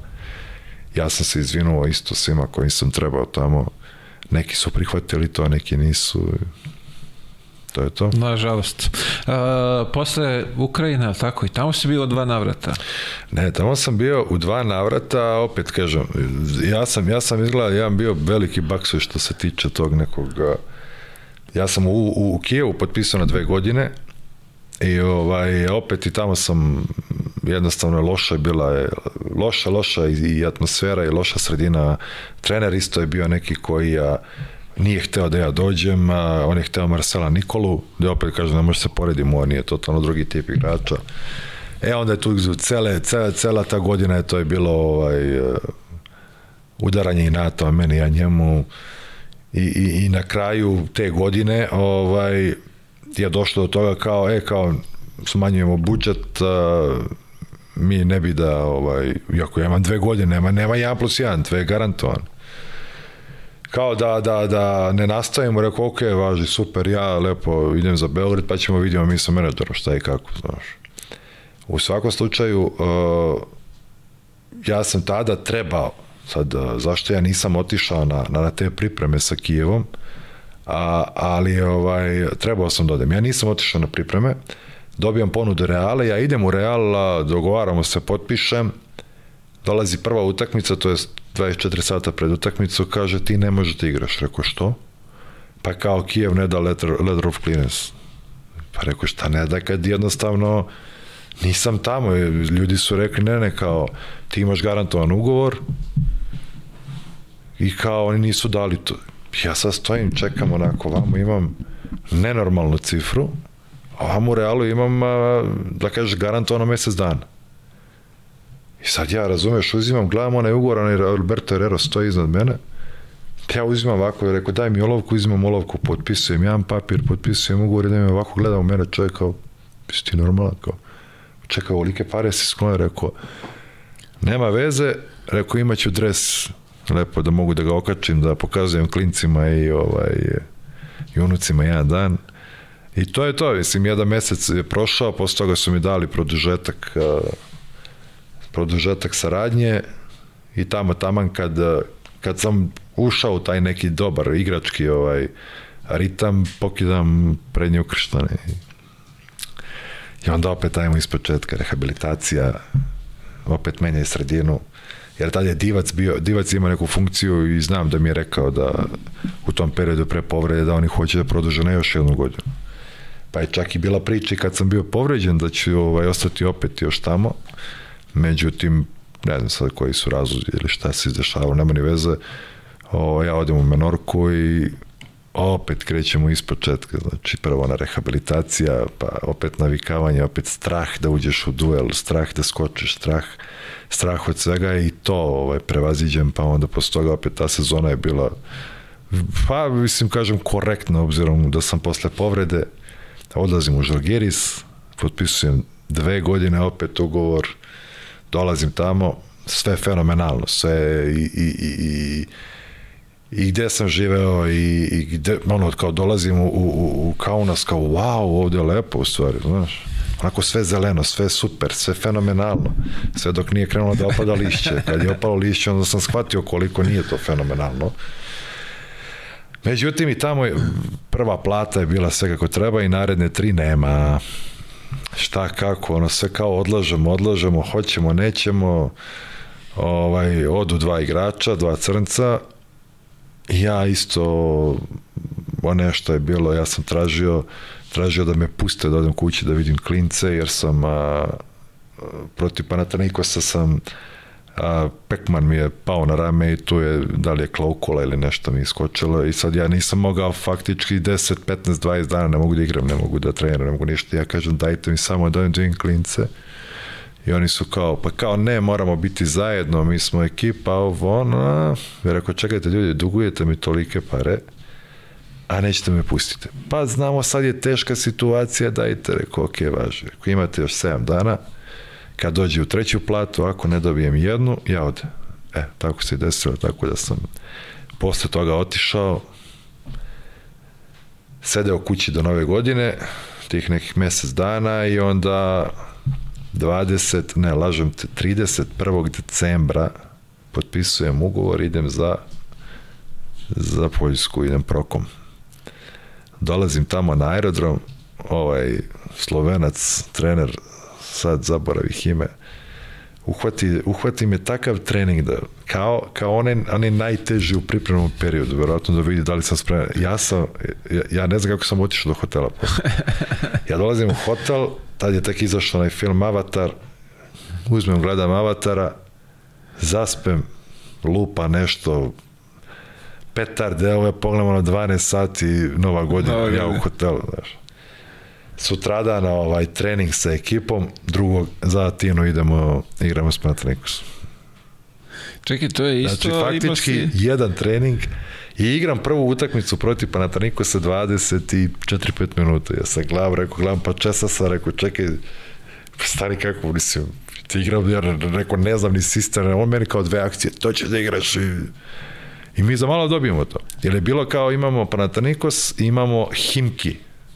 Ako dobijemo obe utakmice, idemo u top 16 mi gubimo taj pa, Panathinaikos, ovaj, nešto je bilo, baš je bila ovaj, blizu utakmica i sad dolazimo, imamo šanse da ako dobijemo Himkija i da se potrfe neki rezultati, a u svakom slučaju Armani gubi ovaj, dva puta, dve utakmice posljednje gubi, mi dobijamo Himkija, mi odemo kao poslednja ekipa u top 16 top 16 dobijamo CSKA, dobijamo Žalgiris, dobijamo a, Unikahu. I mi od prve, prve tri utakmice dobijemo sve. sve tri utakmice dobijemo. Izgubimo posle, ja mislim, ovaj, ili smo dobili prve četiri, sad nisam siguran. Ali kao ono outsideri, mi smo, već smo prošli u, tu, tu, ovaj, u to posle, znaš, naleteli na, na Olimpijakos i, i tu je isto bilo, imali smo i tu neke šanse, ali dobro, mislim, završilo je tako kako je završilo. Dobro je to ekipa bila, do, dobri igrači, dobro, nekako dobro, onako baš ste tad... Dobro, dobro, zaista, onako kad pogledam unazad i, i, i, i kako smo igrali i kako, po, po, po imenima, kako mislim da je bila jedna od boljih ekipa ovaj, u Euroligi. A, če, samo vamo da se vratimo malo u, u Madrid. Igrate za Madrid, kako to sve izgleda iz tvog ugla? Pa, ako gledamo onako uh, i životno i uh, profesionalno, definitivno najbolje mesto da sam bio. Definitivno. Jer sad ja, ja sam prolazio kroz to da sam a, se a, a, oporavljao te operacije, oni su se ponašali kod mene, prema meni kao da sam, kao da sam prvi igrač u, u ovoj ekipi dalje. Kao da igram, kao sve, sve, sve, sve, sve, apsolutno. I odnos i na kraju krajeva i te premije koje smo osvojili sam dobio kao da sam igrao 40 minuta.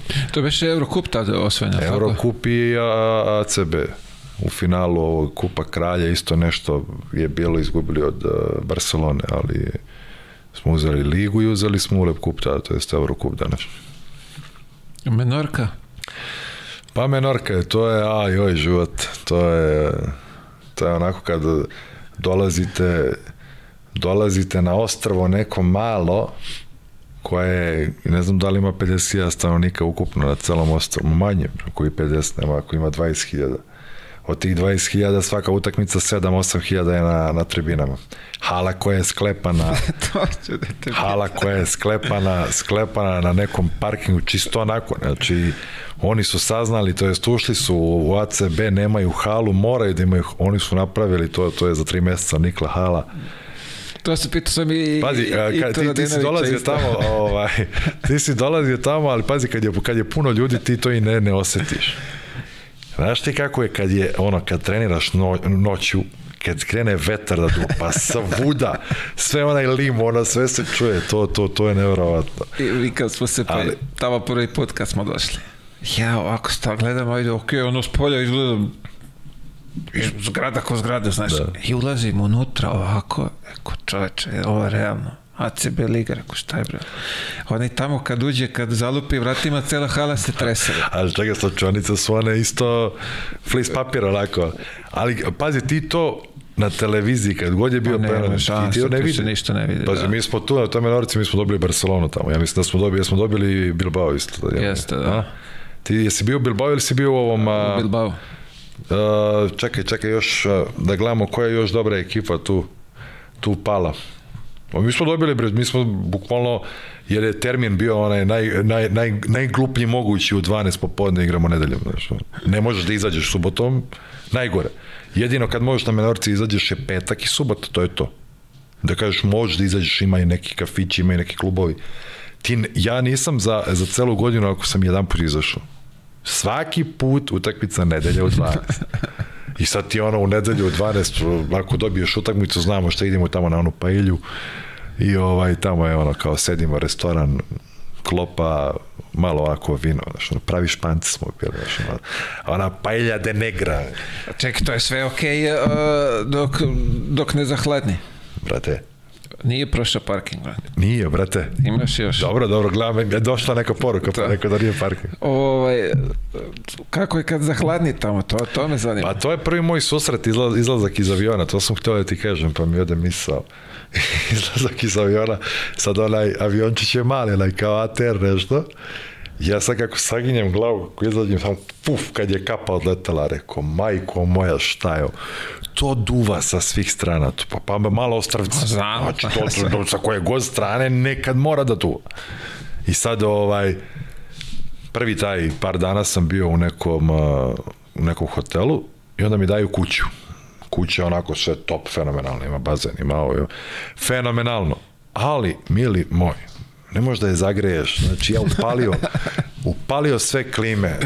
Na, na pumpi imaju one, one brikete, prodaju, ja uzimaj tamo kamijen, pa, ma ne, tri dana treba da se zagreje, ja sam teo da umrem, znači, ono, ćebadi, na sebe nabacio, spavao u dnevnoj sobi prvih dva dana. Znači, užas je i onda posle zove menadžer, rekao, te si ti mene poslao, šta je ovo? Vadi me odavde. Ništa, pa eto, tamo mi je ostao, ovaj, ostao, da kažemo, taj prijatelj za, za ceo život, Mario Stojić igrao, igrao sa mnom, bio je kapitan. Posle ovaj, je došao, čuj posle, bio je Marko Marinović, bio je Baždarić, Jer bi, jesu oni bili sa tom zajedno? Da, da, došao je posle Vrbica Stefanov, bio ovaj mali, kako se zove, a, a sad mi stade mozak, braća su, a, Bugari, ali, ali, ali pričaju, Ivanov, Ivanov.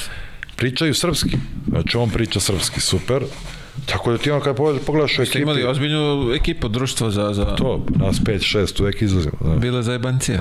To je, to je, to je ste onako bilo, bilo, to je, to je bilo dosta olakšavajuća okolnost. Moja prva utakmica, ja dolazim prva utakmica posle povrede. Ja izgleda da sam uvek imao, imao nešto to, ovaj, uvek me nešto, ta prva utakmica mi je uvek a, a, na mene na neki način uticala. Ja sam eto posle povrede prvu utakmicu Nikaha u tamo u, u Malagi sada, se- 17 pojena za nekih 12-13 minuta. Znaš, to je ono kao i stvari gledaju, kao, bre, gde si do sad? Sad, i- da li je meni ta neka želja, da li je i donekle i sreće da su mi neki šutevi tada ušli, ali i dobili smo tu utakmicu. mi ono kao Unikaha na strani, mi dobijamo Unikahu na strani. Ja dolazim u klub koji ima sezona kreće 0-5. Znaš, ja sad dolazim, prvo putovanje u Nikaha, drugo isto nešto na strani, treće nam dolazi, ne znam, ja gledam, rekao, au, ovde idemo na 0,9 lagano. I mi dobijamo, znači ja kako sam došao, od uh, prvih pet me dobijamo tri ili četiri utakmice, znaš, ono, sad se stabilizovali, sve je to dobro. Da. Jesi koristio te slobodne dane da zapališ za Barcelonu? A, za Barcelonu a, nisam, zato što je imao samo jedan let dnevno. imao jedan let dnevno, tako da, da nisam nikada, ali pazi, imao sam, imao sam drugu, drugu ekskurziju e, na Palma de Majorci, pošto je to sve ta kao ta tri ostrava, Menorka, Majorka i a, a, a, a, da li Ibiza ili šta, sad ne, ne mogu da se nisam siguran, ali to je sad kao sve, sve je to povezano, znaš, i sad ako se nešto... Povezano avionom. Ne, ne, ne, ne, generalno sve. Sad ja imam problem, imam problem sa, sa ahilovom i treba mi terapija. Ja sam išao na Palma de Majorku na terapiju. Maj. Majke. Kao pa nemamo shockwave ovde, rekao. Pa, pa imamo na Palmi. Rekao, pa kako će ja na Palmu? Ništa, avion, odem, odradim terapiju, vraćam se nazad, bukvalno je, zakasnio sam na taj avion i hvala Bogu imao je naveć opet drugi i ja ovaj, šta ću idemo El Corte Inglesija tamo kao malo shopping nazad došao kući, znaš, kao ideš izlet na menorcu da bi odradio terapiju i to sam još 3-4 puta tako. Viš, viš, šta su nap, napredni bre. Šta napredni ljudi? Napredna ovaj, nacija. Da, to je. Haos, ne, da, ta hala tamo i to, ja to nikad neću zaboraviti. Ja, ja, ja, ja sam bio u šoku iskreno, jer ovaj, naročito ti kažem, vi ste možda, da li si odradio jedan trening ili nisi, da li, Ono, jedan da li je trening. bila vetra ili nije, ali taj trenutak kad je vetar, to je strašno. Ti, ti sve misliš da će da odnese sve, onaj lim kad krene da, da, Da se zvoni. čuje, to je strašno. Uh, Kragujevac, saradnja sa tvojim prijateljem Mutom. Da, pazi, ajde sad uvertira za Kragujevac. Ja sam ovaj, a, pre toga, znaš, ono, bio sam sa Miškom, pričali smo nešto i sad a, ja sam mu rekao da, da, da znam da ima taj neki klub iz, iz, iz Irana koji, koji hoće me dovede, ali rekao nemoj Miran, znači to nemoj da mi, da mi spominješ, apsolutno neću da idem tamo. I ovaj, dolazi, dolazi par dana kasnije, zove me Miško opet, kaže, ajde dođi do mene, doš. ja dolazim, kaže, on rekao, ja znam da si ti mi rekao da nećeš, da, rekao, ali ti si lud ako ovo ne prihvatiš. ja sad pogledam ugovor, ugovor je na mesec dana. Ja samo trebao da odem tamo da igram taj a, a, a, finalni turnir a, Lige šampiona ili Azijske Lige šampiona, šta je već. Ja sad pogledam, rekao, pogledam to, pogledam Miška, rekao, daj olovku, daš, potpišem ja, šta da radim, mesec dana, finansijski je jako dobro, Easy money. Ha, easy money. Ja rekao, ok, idemo tamo, dođem ja pred put, sad krenula je tenzije Izrael, Izrael, Iran, te bo, biće bombardovanje, biće, sad ono što gledaš u novinama. Ja dolazim, dolazim u Teheran, sledeće. Čekaj, samo da te pitam, jesi išao sa bosanskim pasošom ili sa srpskim? Srpski. Srpski, to je, to su lepo napravili da nije bila potrebna viza, ja mislim ništa za to. I ovaj, moj prvi susret je, ula- znaš, što dolaziš Teheran, znači izlaziš sa aerodroma, kao, wow, kao da sam ja došao. Znači ti ne možeš da veruješ, to živ grad, to, kao oni su... Bre. kaže, kao sankcije, kako, koje crne sankcije, alo bre, pa šta, šta bi bilo da nema sankcije? Znači sve, sve vrvi od ljudi, sve živo, odeš u prodavnicu, nema Coca-Cola, joj, ali imaju oni neke svoje. Ima zamena. Ima. E onda recimo u hotelu isto ovaj kao meni se pije pivo kao pa imaš tamo ovaj ako hoćeš možeš da nabaviš šta hoćeš. o, sve to ono ispod ruke kako, ali lepo pije mi se pivo, imaš tu, otvoriš frižder bez alkohola, lepo pi koliko god hoćeš. Znači, oni su navikli sa tim da, da, da, da žive, jednostavno kao nema alkohola, ko hoće da pije, ima načina i to da se Ima, nađe. ima, da, da. da. Mislim, generalno, a, a, jedna, jedno pozitivno iskustvo, jedno lepo iskustvo, jer, jer sam očekivao totalno nešto suprotno. Ja sad dolazim u Teheran, ostajem tu sedam dana. Znači, ja sam faktički bio u Mahramu sedam dana to što sam, što sam trenirao. Otišli smo u, u Bejrut, a, tamo smo imali tih nekih deset dana, taj koliko su bili treninzi i taj završni turnir polufinale mi dobijamo, finale ovaj, trebamo igramo sa Rijadijem, tignu u vazduh uh, nekog ministra šta je već bilo, otkazano sve, pomereno za jedan dan, sutradan isto ovaj, libanske vlasti su to, da li vlasti ili koje već okarakterisu da je to neka iranska služba ga digla, ba, ba, ajde vi lepo, sigur, zbog sigurnosti svi pakujte se i nismo ni odigrali finale. Tako da onaj deo iz, iz ugovora za osvajanje toga nisam imao šansu da odbranim, jeli, da, da pokušam da dobijem, ali ovaj, i onda vra, povratak u Teheran, tamo još nekih dva, tri dana, ono u hotelu malo išao u šetnju i uh, vraćam se za Beograd. E da, još jedna stvar, upoznao sam čoveka jednog koji je da dugo radio u, u ambasadi Jugoslavije i ovaj, posle toga je bio iz ambasade Jugoslavije, prešao ambasadu Makedonije. U Teheran. Da, da. I ovaj, mi dolazimo sad, bila je još neka devojka Sanja, žena, devojka, bila je trener rukometašica ili ti njihove reprezentacije, mislim čak. I sad mi zajedno idemo ovaj, kod tog čoveka, ono stan, neki ogroman stan. Unutra ulazimo, njegovi prijatelji neki dolaze sad one, one žene što ja nisam znao, mislim, ne znam kako, znaš, one sve su zavijene, da, da. sve one, i svakako dolaze i ulaze u kuću, sve skidaju sa sebe, znaš, ja sad onako, rekao, da li smem da gledam, znaš, otkud znam, znaš, kao, pusti se, kao, to samo mora, znaš, da se ispoštuje kad su na, na ulici ovde, kad su ta, to je, to je totalno druga priča. I u jednom trenutku dolazi čovjek i donosi kao rakiju. Rekao, kako, kakva rakija? Kaže, pa imam ja tu pečen, kaže, ovaj, dre, drenovin, nije, nije drenovinu, nego, kako se zove, onaj, a, oni njihovo voće dole u, što oni piju za, za afrodizijak isto. Ne piju, nego jedu, bre, one. Uh, a, urme. Urme. Da, rakija od urme čovjek na peča na terasi. Pa neko čekaj stani. Snađe se čovjek, kad je teško snađe se. Čekaj, ja imam tad, tad sam sa prijateljima drugim, ono neko imali neku grupu i sad oni mene zezaju, znaš, kao rale, ajde na slaninu. I ja uzmem i slikam, frajer, iseko slaninu. Rekao, gde si ti, kako?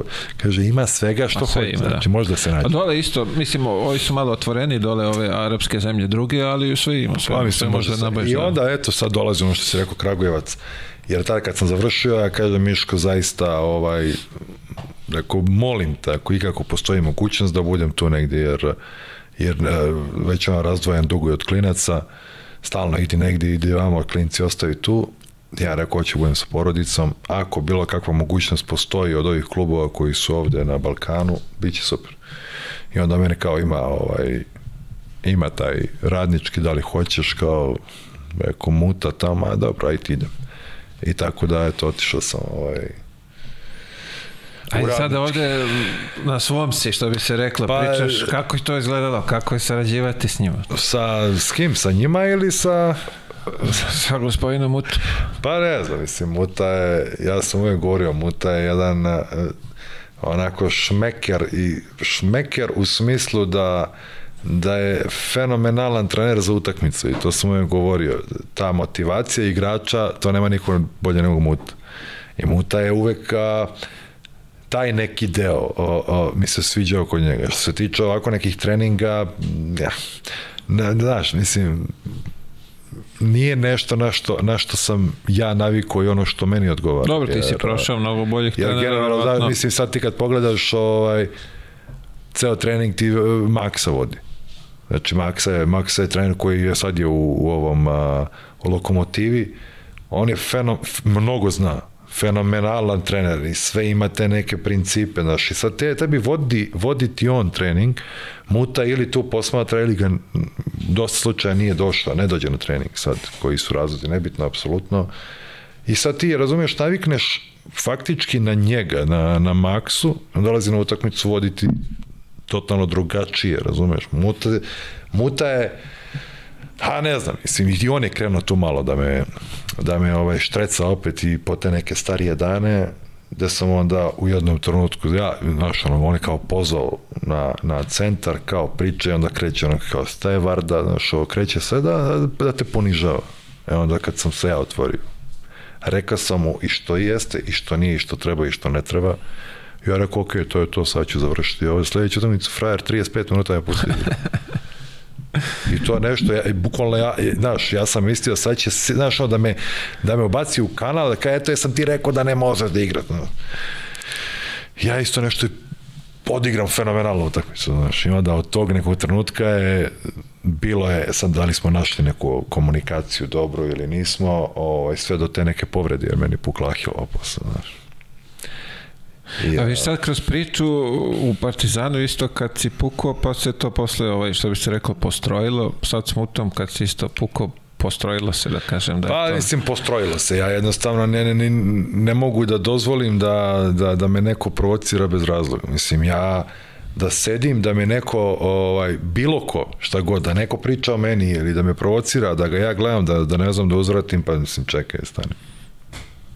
Ne diram te, ne diraj me, ako me diraš, pa diraću ja tebe onda. Mislim, na istom tom nekom, ja sada da idem fizički na nekoga ko, ko nije, nije ovaj, bli, blizu to nekog fizičkog meni da bi se obračunavao na taj način neću, ali verbalno mogu se svakim svako od nas ima jezik, svako može da ti kaže ono što hoće i ja isto tako ja mogu da uzvratim, pa sad koga će više zaboleti to Jasno. To ćemo vidjeti. Jasno.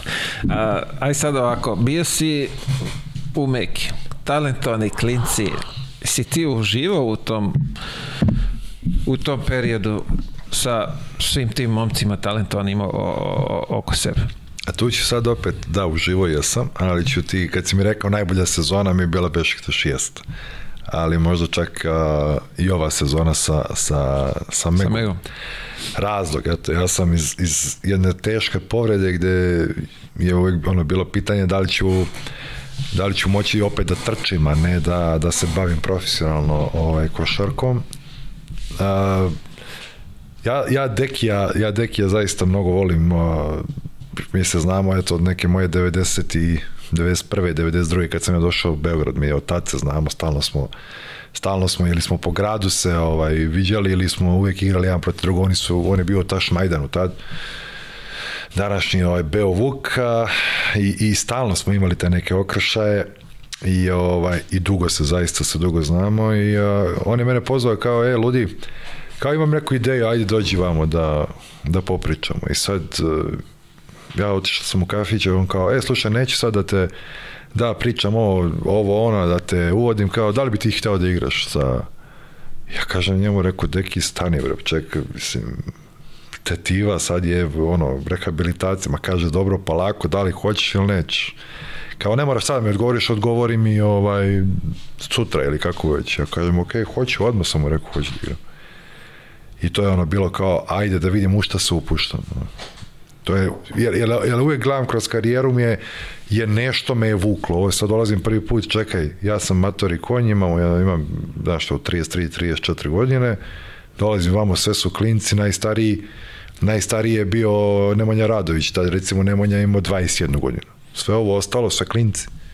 Mali, mali Jokić, on koliko ima 17 godina. Vasa isto tako 17-18 godina. Onda, I sad ti dolaziš u tu neku situaciju, ti, ti moraš jednostavno da se da, da, da, da pokušaš sebe tu da, da im preneseš to što, što ti možeš da im daš, A s druge strane ne treba da, bar ja to tako gledam, ja nisam nikada autoritet hteo da budem. Moće da budem autoritet tamo ako su već neki odrasli ljudi, tu da kažem u tom nekom a, svetu ili ti mo, mo, moje generaciji, to ok, tu možda i, i, i želim da budem autoritet.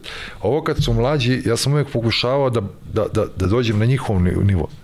da se ja ubacim tu kod njih, mada znaš, uvek je teško, sad ti kad pogledaš Joka ima 17 godina, moja Vanja u tom trenutku ima, ima 13 godina, znaš, sad čekaj, dete, može, mi bude, može sin da mi bude maltene, znaš.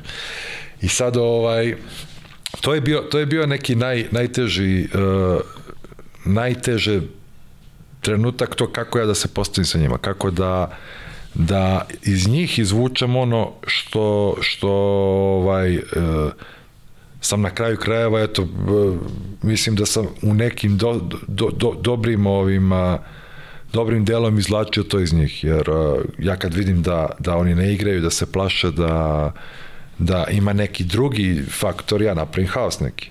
Se napravim haos. Ja sam, recimo, finale kupa protiv Zvezde, svesno sam ušao u, u sa 5, 6, 7 hiljada ljudi, čisto da skinem sa njih taj neki teret. Mi smo na kraju imali egalu utakmicu jednu loptu, mislim šut mal je bio za, za pobedu. A isto tako je bilo neka utakmica u stočionici, mi ulazimo u Smederevo i sad oni kreću klinci da se ovaj, znaš, između sebe, te, te, te, ja ulazim i hvatam onaj lavabo, ako kako sam ga uhvatio, on mi ostao u ruci. Ja se okrećem i držim lavabo i kao njima oni ovako stali svi kao da, I onda im kažem, mislim svašta sam tada rekao i mi smo dobili sa sledeću utakmicu. Da li to je bila ne znam da li je bila Cibona ili je bila neka druga ovaj hrvatska ekipa, ali ovaj uvek sam se uvek sam se trudio da da njima pomognem to, kao što su oni meni pomagali. Pomogli su me da se ja vratim malo, mislim, par godina, ono kao, znaš, vratiš se unazad. I, mislim, osvežavali su i oni mene kao, vero, verujem ja njih, znaš. I ovaj, Deki je imao drugačiji način da kažnjava ovaj, neku neborbenost. Znači, to nije bilo, je, sad ću da ti ja uzmem 50, 100, 200 eur, nebitno je, ne. Ako možemo da izgubimo, možemo da dobijemo, ali ima jedan, jedan ovaj, e, stvar je bila, ako se ne boriš, ako ne daješ 100% sebe, kazna ti je takva da imamo, imaš kamikaze. Krenuli smo sa 30 kamikaza. Znači, svaki sledeći put se povećava za 5 ili 10. Na kraju je bilo tipa 90 kamikaza.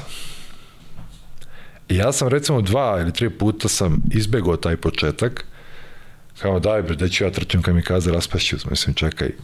I on me zove, kaže, e, slušaj me, a, mislim da bi bilo dobro da i ti istrčiš ovo.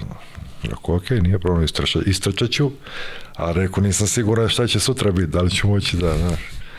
I sad ja sam isto sa njima na tih 85, 90 kamikaza koliko je bilo, ja sam rekao, slušaj, ja ću istrčati preko 50%, ja sad koliko će to da bude, ne znam, ali ću pokušati. I tu su me negde na nekih 45-50, kad sam istrčao, samo sam ga pogledao, rekao, deki, hvala puno, rekao, ja ne mogu, ja sam ovo odradio, koliko sam mogao i, i, i, i nadam se ono što sam trebao, znaš, tako da, da ovaj, jedno lepo iskustvo, uh, nešto gde mene uh, gde su mene ono da kažemo otvorili otvorili uh, to nešto da, da ja sada volim da gledam više mlađe te igrače nego ove starije. Mislim, ja sam više sad kad je bilo ove Final Four, lepše mi da gledam one juniore nego da gledam ove matore, jer uh, gledaš uh, to je neka lepršavost kad vidiš kako igraju tu, nema taktiziranja puno, nema kao je igramo na odbranu ili ovo. I, i gledam te neke klince gde uh, uvek, sad to mi je postalo onako da gledam da li će uh, biti igrač ili neće biti igrač, znaš, sad ono gledamo kod od Meginih ovih faktički za svakog sam koga sam i pomislio da će da bude igrač, na kraju je napravio to što je. Žao mi je samo zbog recimo Marko Luković, koji je dečko pod jedan fenomenalan momak i, i neverovatan kakav je radnik. Znači, mali, mali Luković, sve što je uradio, uradio je samo sa svojim radom. To je neverovatno. Ja sad ga gledam i uvek to govorim Juroš, ovaj, Borazaru, ja kažem, rekao, tvoje, znači, tvoje telo, to sve što ti imaš, i da si imao bar 20% ovo što Marko ima u sebi, ti bi, ti, ti, ti bi bio zverino čoveč. Znaš, tako da,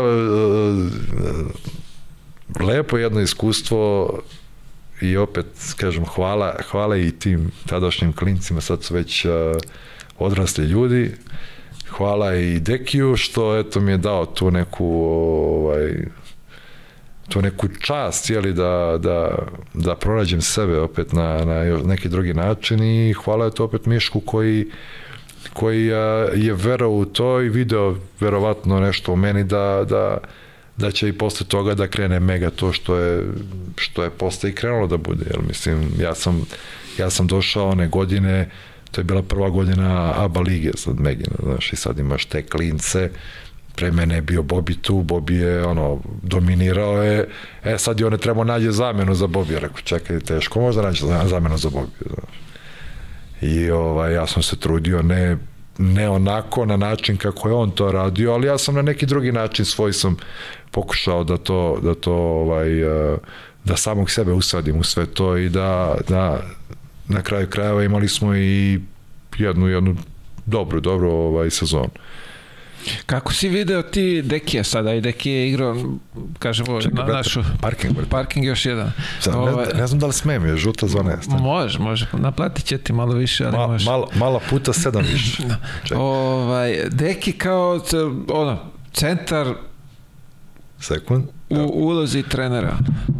Deki je, a, nema to već, da li si i centar, ne, mislim, to mi je najgora, najgora... Vidi, nekako gledamo, ako pogledaš sad ovako, ako se okreneš, sve su to neki bekovi, playmakeri pa koji su... Gledam. Mislim, sad ti govorimo, a, svaki put kad gledamo trenera, ako je trener više od, od dva metra, nije trener, šta ne razumem. Mislim, čekaj, svi smo mi igrali košarku. Svi mi imamo imamo neko znanje, da li je to dovoljno da bi dobio trener ili nije, ali za, za bilo šta što treba, počinješ u životu, treba neko da šansu. Da li će to biti trenerski posao, da li će to biti bilo koji drugi posao, ovaj, ja sad pričam o košarci, ali generalno za, za, za sve i kao klinci što, što se uči škola, što učimo za, za nešto što ćemo jednog dana da budemo. Znači ti kad krećeš bilo šta da radiš, evo i ti sad uh, si u ovom a, podcastu, je tako, i tebi vjerojatno nije bilo sve jedno da kreneš sa tim. I uvek je bilo kao početak kako ću ja to da odradim. Sad kad uđeš u taj ritam, to ti, je, to ti onako ide kao, kao dobar dan, kao da si se rodio sa tim. Je tako? Masovni trening. Pa mislim masovni trening. Mislim, to, to za sve u životu ti treba, na prvom mjestu treba šansa. Dobiješ šansu da, da vidiš ti, jer uh, Deki, Vidi, pazi, treba, Deki, šansa i treba samo poznanje. Deki da nije bio, uh, da, da nije bio u Megi, ja čisto sumnjam da bi njemu neko dao takvu šansu da radi to. Jer pazi, mislim, tolike godine a, sa tom idejom koju on imao, a, je feno, mislim, odradio je fenomenalan posao. E sad je pitanje, recimo da je bio, ne mogu da govorim Zvezda i Partizan i budućnost, to su opet, ali, ali gledamo bilo koju drugu ekipu. Sad kad gledamo moj drugar ovaj, a, koji je trener u Mašincu, čak smo u grupi za, ne Mašinac, Sloga prestog Mašinac, u Slogi ovaj, Sićko Marko Dimitrijević, koji je proglašen za najboljeg trenera u KLS i sad dolazimo i šta sad? Sad ti gledaš da bi trebao da bude negdje na, da ide na drugi nivo, ali to je opet, vraćamo se na početak onog razgovora da, da a, mi smo mi našu košarku smo ugasili što se tiče klub, mislim klubske, što se tiče lige naš. Tako dolazimo do toga, imamo najboljeg trenera u ligi koji je dobio priznanje, je tako, od lige, I sad je opet šta će, gde će, ovaj, da li će dobiti priliku da ide negde dalje ili će opet da ostane tu u slogi.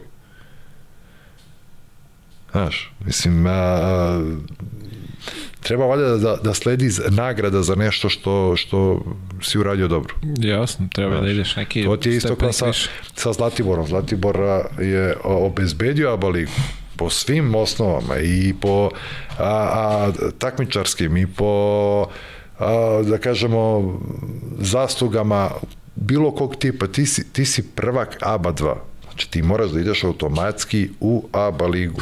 E kao ne može da bude još jedan zašto ne može da bude Koji je razlog? Jel, jel, jel igraju, jel svi dobijaju podjednake šanse kad krene, jel tako?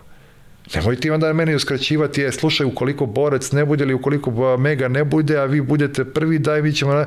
Stani, bre, čoveče Bože. Razigravanje treba da pravi neke druge ekipe. E, onda treba da se zapitaju te neki drugi savezi ili ti, ili ti drugi klubovi, šta treba oni da promene da bi bili konkurentni ovim, ovim a, a, koji tu jesu. Sad ti opet dolazimo do toga i vraćamo se stalno na, na, na isto to. Zašto jedan Zlatibor sada trenutno, zašto taj, ta sloga, zašto svi ovi klubovi koji su sada dobri, zašto nemaju šansu da se takmiče sa Zvezdom i Partizanom? Da, to je. Vidi, kako je ovo krenulo, sve, u KLS je sve niže i niže. A to Mislim- je, pa neko, je, neko treba bude odgovor za to. Pa, Znači imaš neke stvari, imaš u glavi, jel hoćeš da promeniš nešto? Jel imaš a, ko, kohones ili nemaš? Ideš da promeniš. Neće, ne, ne, ne, ne, neko te ne pušta da promeniš. Ok, ja sam probao. Hvala, doviđenja, idem dalje. Ali nisi ti tu da budeš samo jedan pijun koji će onako samo da popunjava. Ne, ti dolaziš negde sa nekom idejom i sa nečim da ti hoćeš da uradiš ono što neko drugi nije probao. Pa da vidimo da li će, ako ne uspe, reci, ok, nije uspelo, dajte nekog drugog. a jasno, ali jedan teško može sam da, da, da promeni nešto, ali... Je, daj samo malo da se dotaknemo Jokića u tom momentu kad si bio, ti bio tamo. Šta treba pričamo? Pa recimo, Ne, pa nije, pazi. onu to anegdotu sa to- novicom i to, to, to, to, znamo. to je smo, posle, da. to je novica ti već rekao. Ovaj, moj prvi trening, onaj prvi košarkaški trening sa, jer smo mi ono kao, ja sam se polako uvodio ono, kao po šumi, kao idi da trčiš. Moj prvi košarkaški trening, ja sam njega vidio u šumi, onako je mali smota, mlata, zamlata, ono, znaš, kao trči, onako nije mu do života. Sad dolazimo mi u, u, u salu, on isto baca neke one, kao sad što baca one, one šuteve, nezamislive, to, to sve ulazi. To, to je nevratno kakav osjećaj čovjek ima. Det, tad je bio det. I sad nešto smo igrali, ne znam da li je 3 na 3 bilo ili je bilo, ne znam, neki, uglavnom je bila neka, neka vežba, vežba je ovaj Deki je dao, da li je možda bilo i 3 na 2 ili šta već. I sad mali, o, isto me napravio par puta budalo, onako, znaš. Ja sad okrećem se Dekiju, gledam ga, rekao, slušaj me, ili ću da prestanem da igram košarku ili ću ga nakautirati. Mislim, stani bre, polako, bre, dete imaš 17 godina, bre, stani. I to je, eto, slučajno, znači, taj isti trening a, sam ga ja nešto po loptu išao i sad da li sam ga ošam, ošamario, udario ga po, po, po ustima i tu mu pukne, pukne mu baš ovaj usna i nije trenirao neki 5-6 dana, rekao, e, tako, taman, lepo sad ja malo da uđem u trening, pa ćemo polako. Ne, pazite,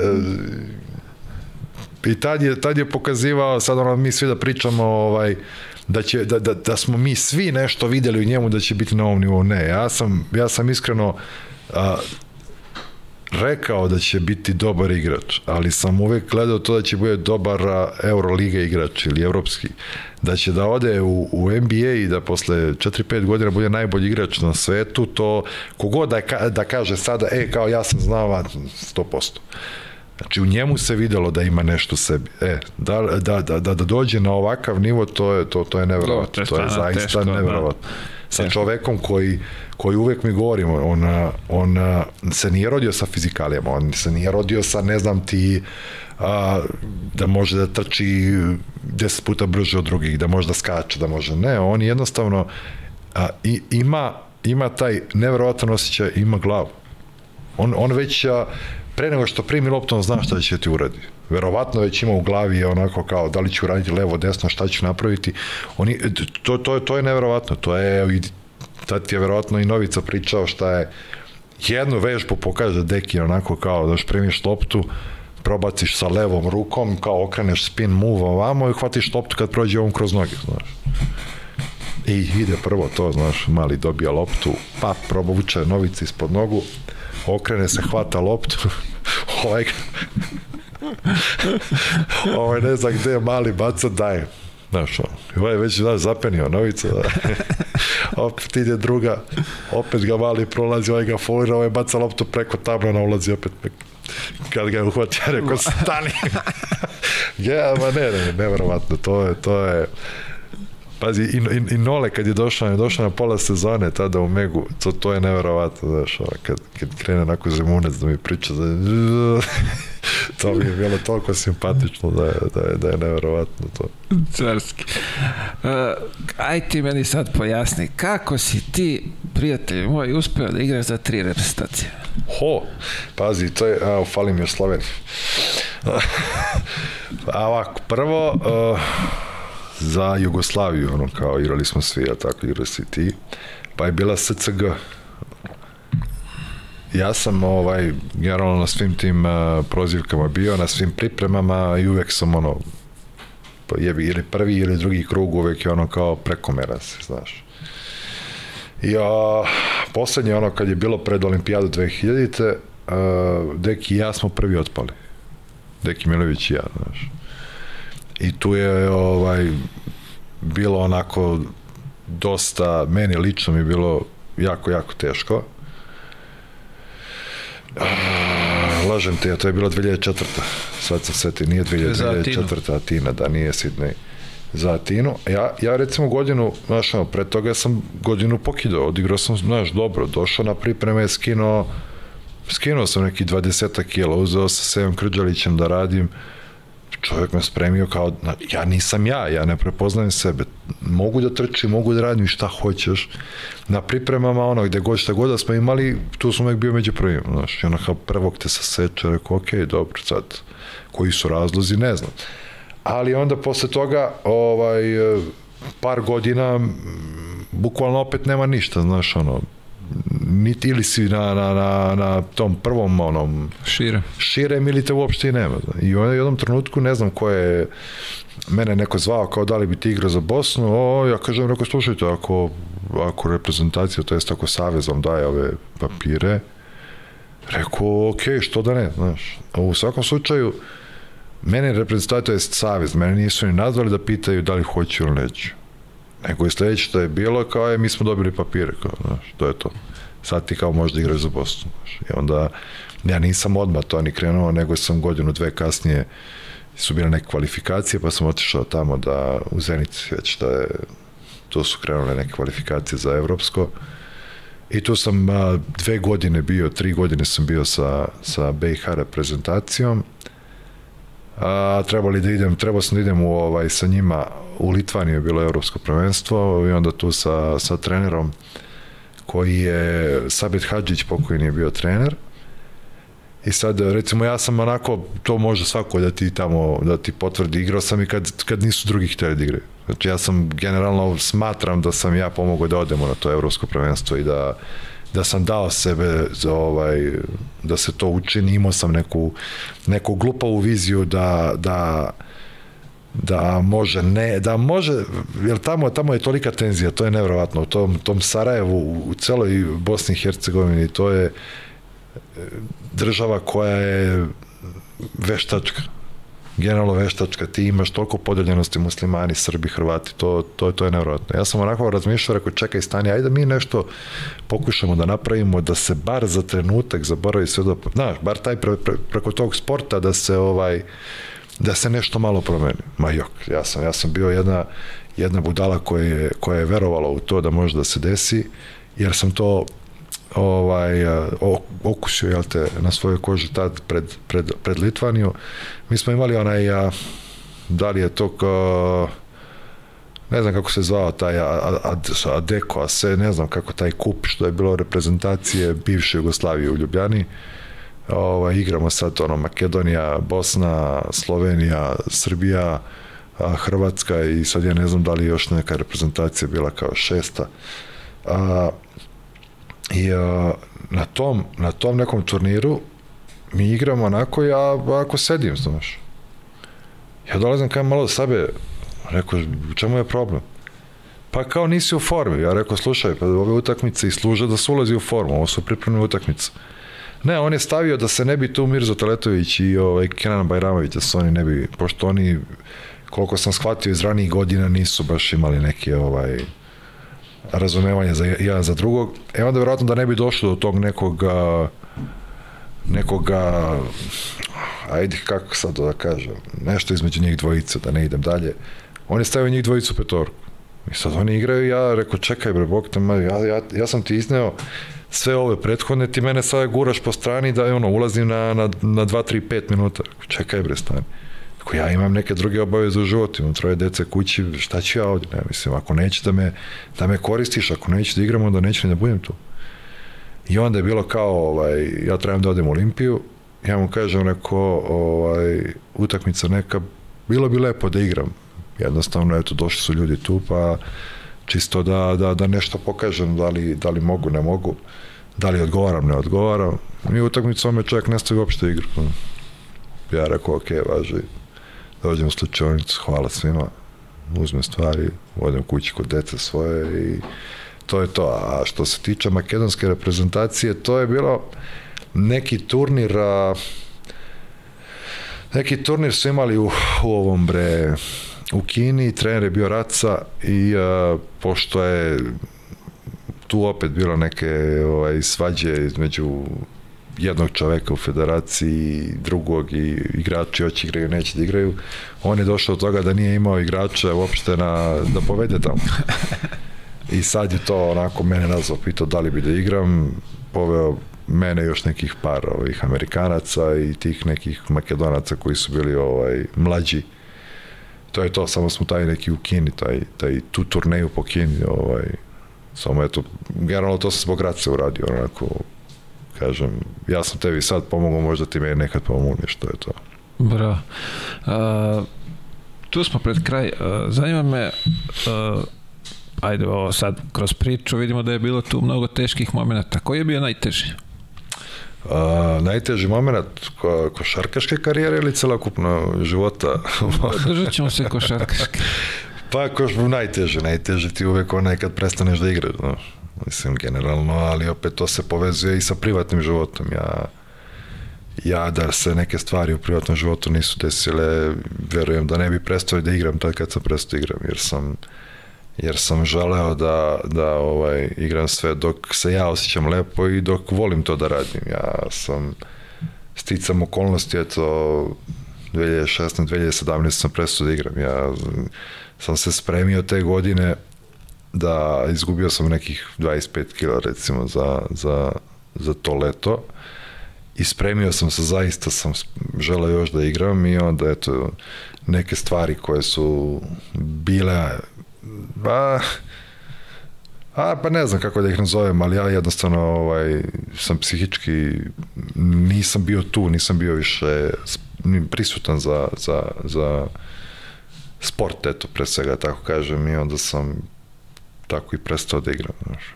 Generalno, ovaj, uvek sam, i ti si bio ranije, što smo gore kod Ace na, u Žarkovu, pa kad smo igrali 5 na 5, pa i musli kad me čuva i ti, pa onda kažem igraći do 45, znaš, na kad sam se zezu stao. To je samo kad te da. musli čuva. Generalno, ovaj, ja, da, eto, to je to, mislim, to je najteži moment, znaš, Jasne. jer, jer svaki, svaki sport, opet govorim svaki sport, svaki posao, nama sportistima to ide mnogo brže, ljudima koji se bave drugim poslom, njima dolazi posle nekog pa ajde kažemo malo dužeg perioda, posle 40 ili ajde koliko godina rada, a, oni napuštaju posao. Sad a, dosta njih će kaže, e, super, idemo u penziju, dosta njima će to da, da, da im nedostaje, tako i meni. Ja sam u košarci od 16. godine profesionalno, znači ja sam 21, 22 godine igrao profesionalno košar. I onda još te četiri godine ovaj, tih mlađih kategorija, Znaš, zeznuo me tu dosta, evo sad sam ovaj malo onako, krivo mi jer evo, Pižon, Vlada Petrović je potpisao još jednu godinu i sad će bude čovjek sa najviše sezona kao igrač, onog fazon 26-7 sezona. Igra i dalje? Da. Gde? A, tu je negde, je to Beko, ima li Beko druga liga ili kako već? Majke. Ja mislim da je tu potpisao. Kakav car? Pa, šta radi, dečko?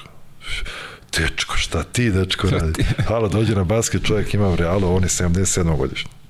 45 godina. A igra i dalje. Čovjek ide za kucao.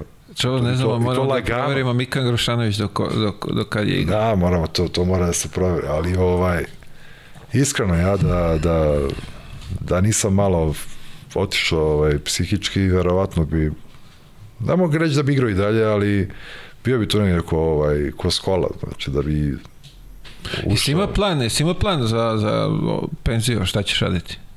Kako misliš? Jesi se pripremao, kad prestanem, to je to, radit ću to. Pa jesam, ali to, i to je isto ovaj, sastavni deo života i ono sve što se čovjek priprema i uradi nešto i kaže ovaj, to ću da nastavim, dese se nepredviđene stvari, znaš, i onda taj novac što, što si uložio u nešto ode, ode tamo gde ne treba da ode i jednostavno tra, još uvek ovaj, se traži, mislim tražim, ja znam šta bi voleo i znam gde bi voleo i, i znam da bi dobro radio to što bi radio, ali opet za to ti treba i šansa i treba ti poverenje i vidjet ćemo ili će pa imamo dve mogućnosti, ili će biti ili neće. Ili neće. Ima, ima A vidi 50%, sad, po, imam 50% šanse. 50% šanse na tvojoj su strani. Tako. Ovaj, e, a sad ovo kroz razgovor e, rekao bi da možda taj scouting služba može da, ako već procenjuješ dobro za te klince, mislim. Pa to, to je, to je, to je Mislim, želja. to je sad kako moja si ti želja. rekao, sad ja to je verujem moja, tebi. To je moja neka želja, sad ovaj,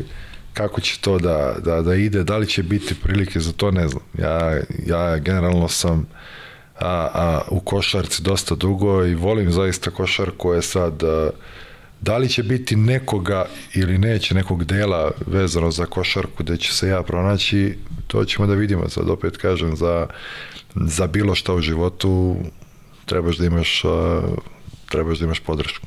Jasno. E, savjet za ove mlađe što dolaze?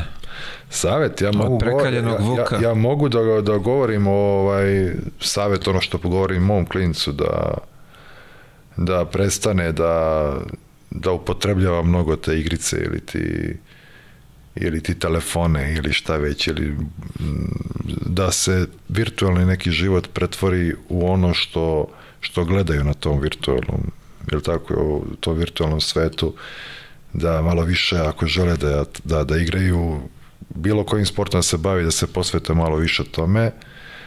A ovaj, a, naravno i mi smo kao, kao kad smo bili mlađi, uvek nam je ne, nešto drugo ovaj, bilo zanimljivije od onoga što, što bi trebali da radimo. Tako da, ona savjet, učite, učite zbog sebe, trenirate zbog sebe, sve ovo ostalo ako zaslužujete doći će, ako neće imate, imate ovaj imate tu neku drugu stranu medalje, zato morate i da učite i da se, da kažem, da, da trenirate, da, da, ne bude, da ne bude razočarenja ukoliko ne uspete u tom sportu. Jer ovaj, ja govorim o Marku stalno, ja kažem, ovaj, tata, ali ja volim, ja hoću, pa rekao, ok, ti voliš, ti hoćeš, a šta ćemo sa školom? Pa da sve znaš, rekao, ok, sjajno, sine, ne učiš ti za mene, nećeš ti, rekao, ti učiš za nekog drugog. Meni nije niko imao da, da mi govori, ja generalno sam, a, faktički sam sam odrastao, majka je uvek morala da ide da radi ovaj, mnogo više toga, jer, jer je i sestra i ja smo ono, bili na, na, na njenoj grbači. Ja rekao, ti imaš mogućnost tu da ti govori majka verovatno i da ti ja govorim ovaj, šta treba da radiš, šta ti je bitno. Znači, neke stvari a, a, u životu što radiš, radiš zbog sebe, ne radiš ti zbog nekog drugih, da li će neko da ti kaže ovaj, e, treba, uradi ovo ili radi ono. Ti znaš najbolje šta, je, šta, šta ti treba da uradiš. To najbolje je da uzmeš jednu jedinu obavezu koju imaš u životu, je škola, to je trenutno, a taj hobi ti je košarka. Taj hobi, ako zavoliš, jednog dana će ti postati posao. E kako ćeš ti taj ovaj, hobi da prebaciš u posao, za to imaš još par godina, pa vidi, ako ne bude bilo ništa toga, ostaje ti ona druga strana, a to ti je škola. Zbog toga i učiš.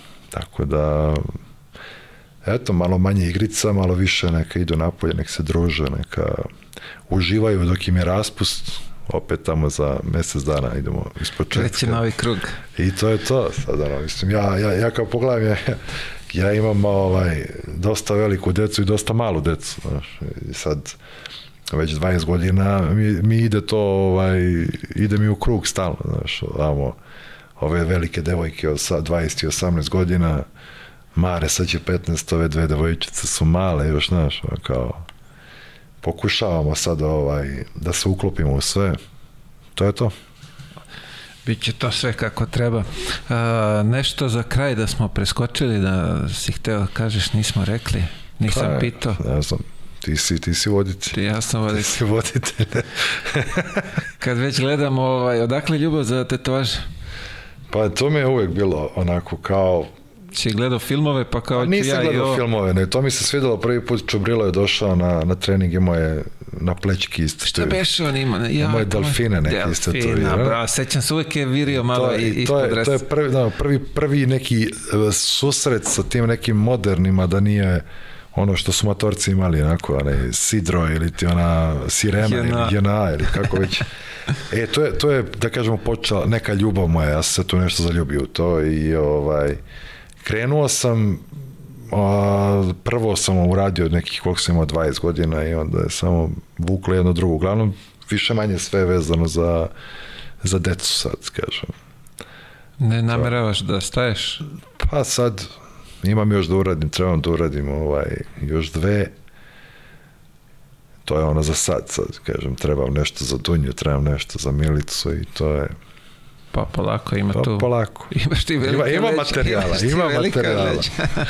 Tako da, ovaj, to je to sad, ne znam. Bravo. Sve je dobro dok ne počneš po glavi da crtaš. E, kad A, dođeš do je- toga, onda to ćete je- smatrati to da je si... Ander, Anderson, onaj, jesi ga vidio sad? Ko je skoro? Anderson? Onaj Bird. Birdman. Da. Sad je došao tamo onaj Big Trio, ovaj, pa ga vidoh, pošto prenosi da li Sport klub, da li Nova S, onaj, taj Big Trio, ono. Dobro, dobro, da, ali nemam pojma, pojavljuje nisam upućen. stetoviran po glavi, sav, ono, naš, velika brada. A mislim, on je... Od, Dobro, on je bio uvek, da. A, i dok ja znam ono vrat i sve, Da, da. ali za to za glavu nisam, Da, sad nisam da. sve. Ali pazi, ja sam ovde već opasno ušao kao u Novicu Veličkovića, tako da... Dobro, a vidiš, otvara ti se prostor Ali, gore. ali do Krleta imam još vremena. Otvara ti se prostor i gore, tako da, da, to je vidiš. ne, rekao, vidjet ću. Znaš šta, imaju ove, ove medicine nove, pa... Ima dole u Turskoj, znam ljude, ovaj, srediti to Ima čas i posle. Ima i ovde. Prebacili su Turci ovde, lakše im je ovde. Je- jeftinije. Ne troši se na prevoz. To, to.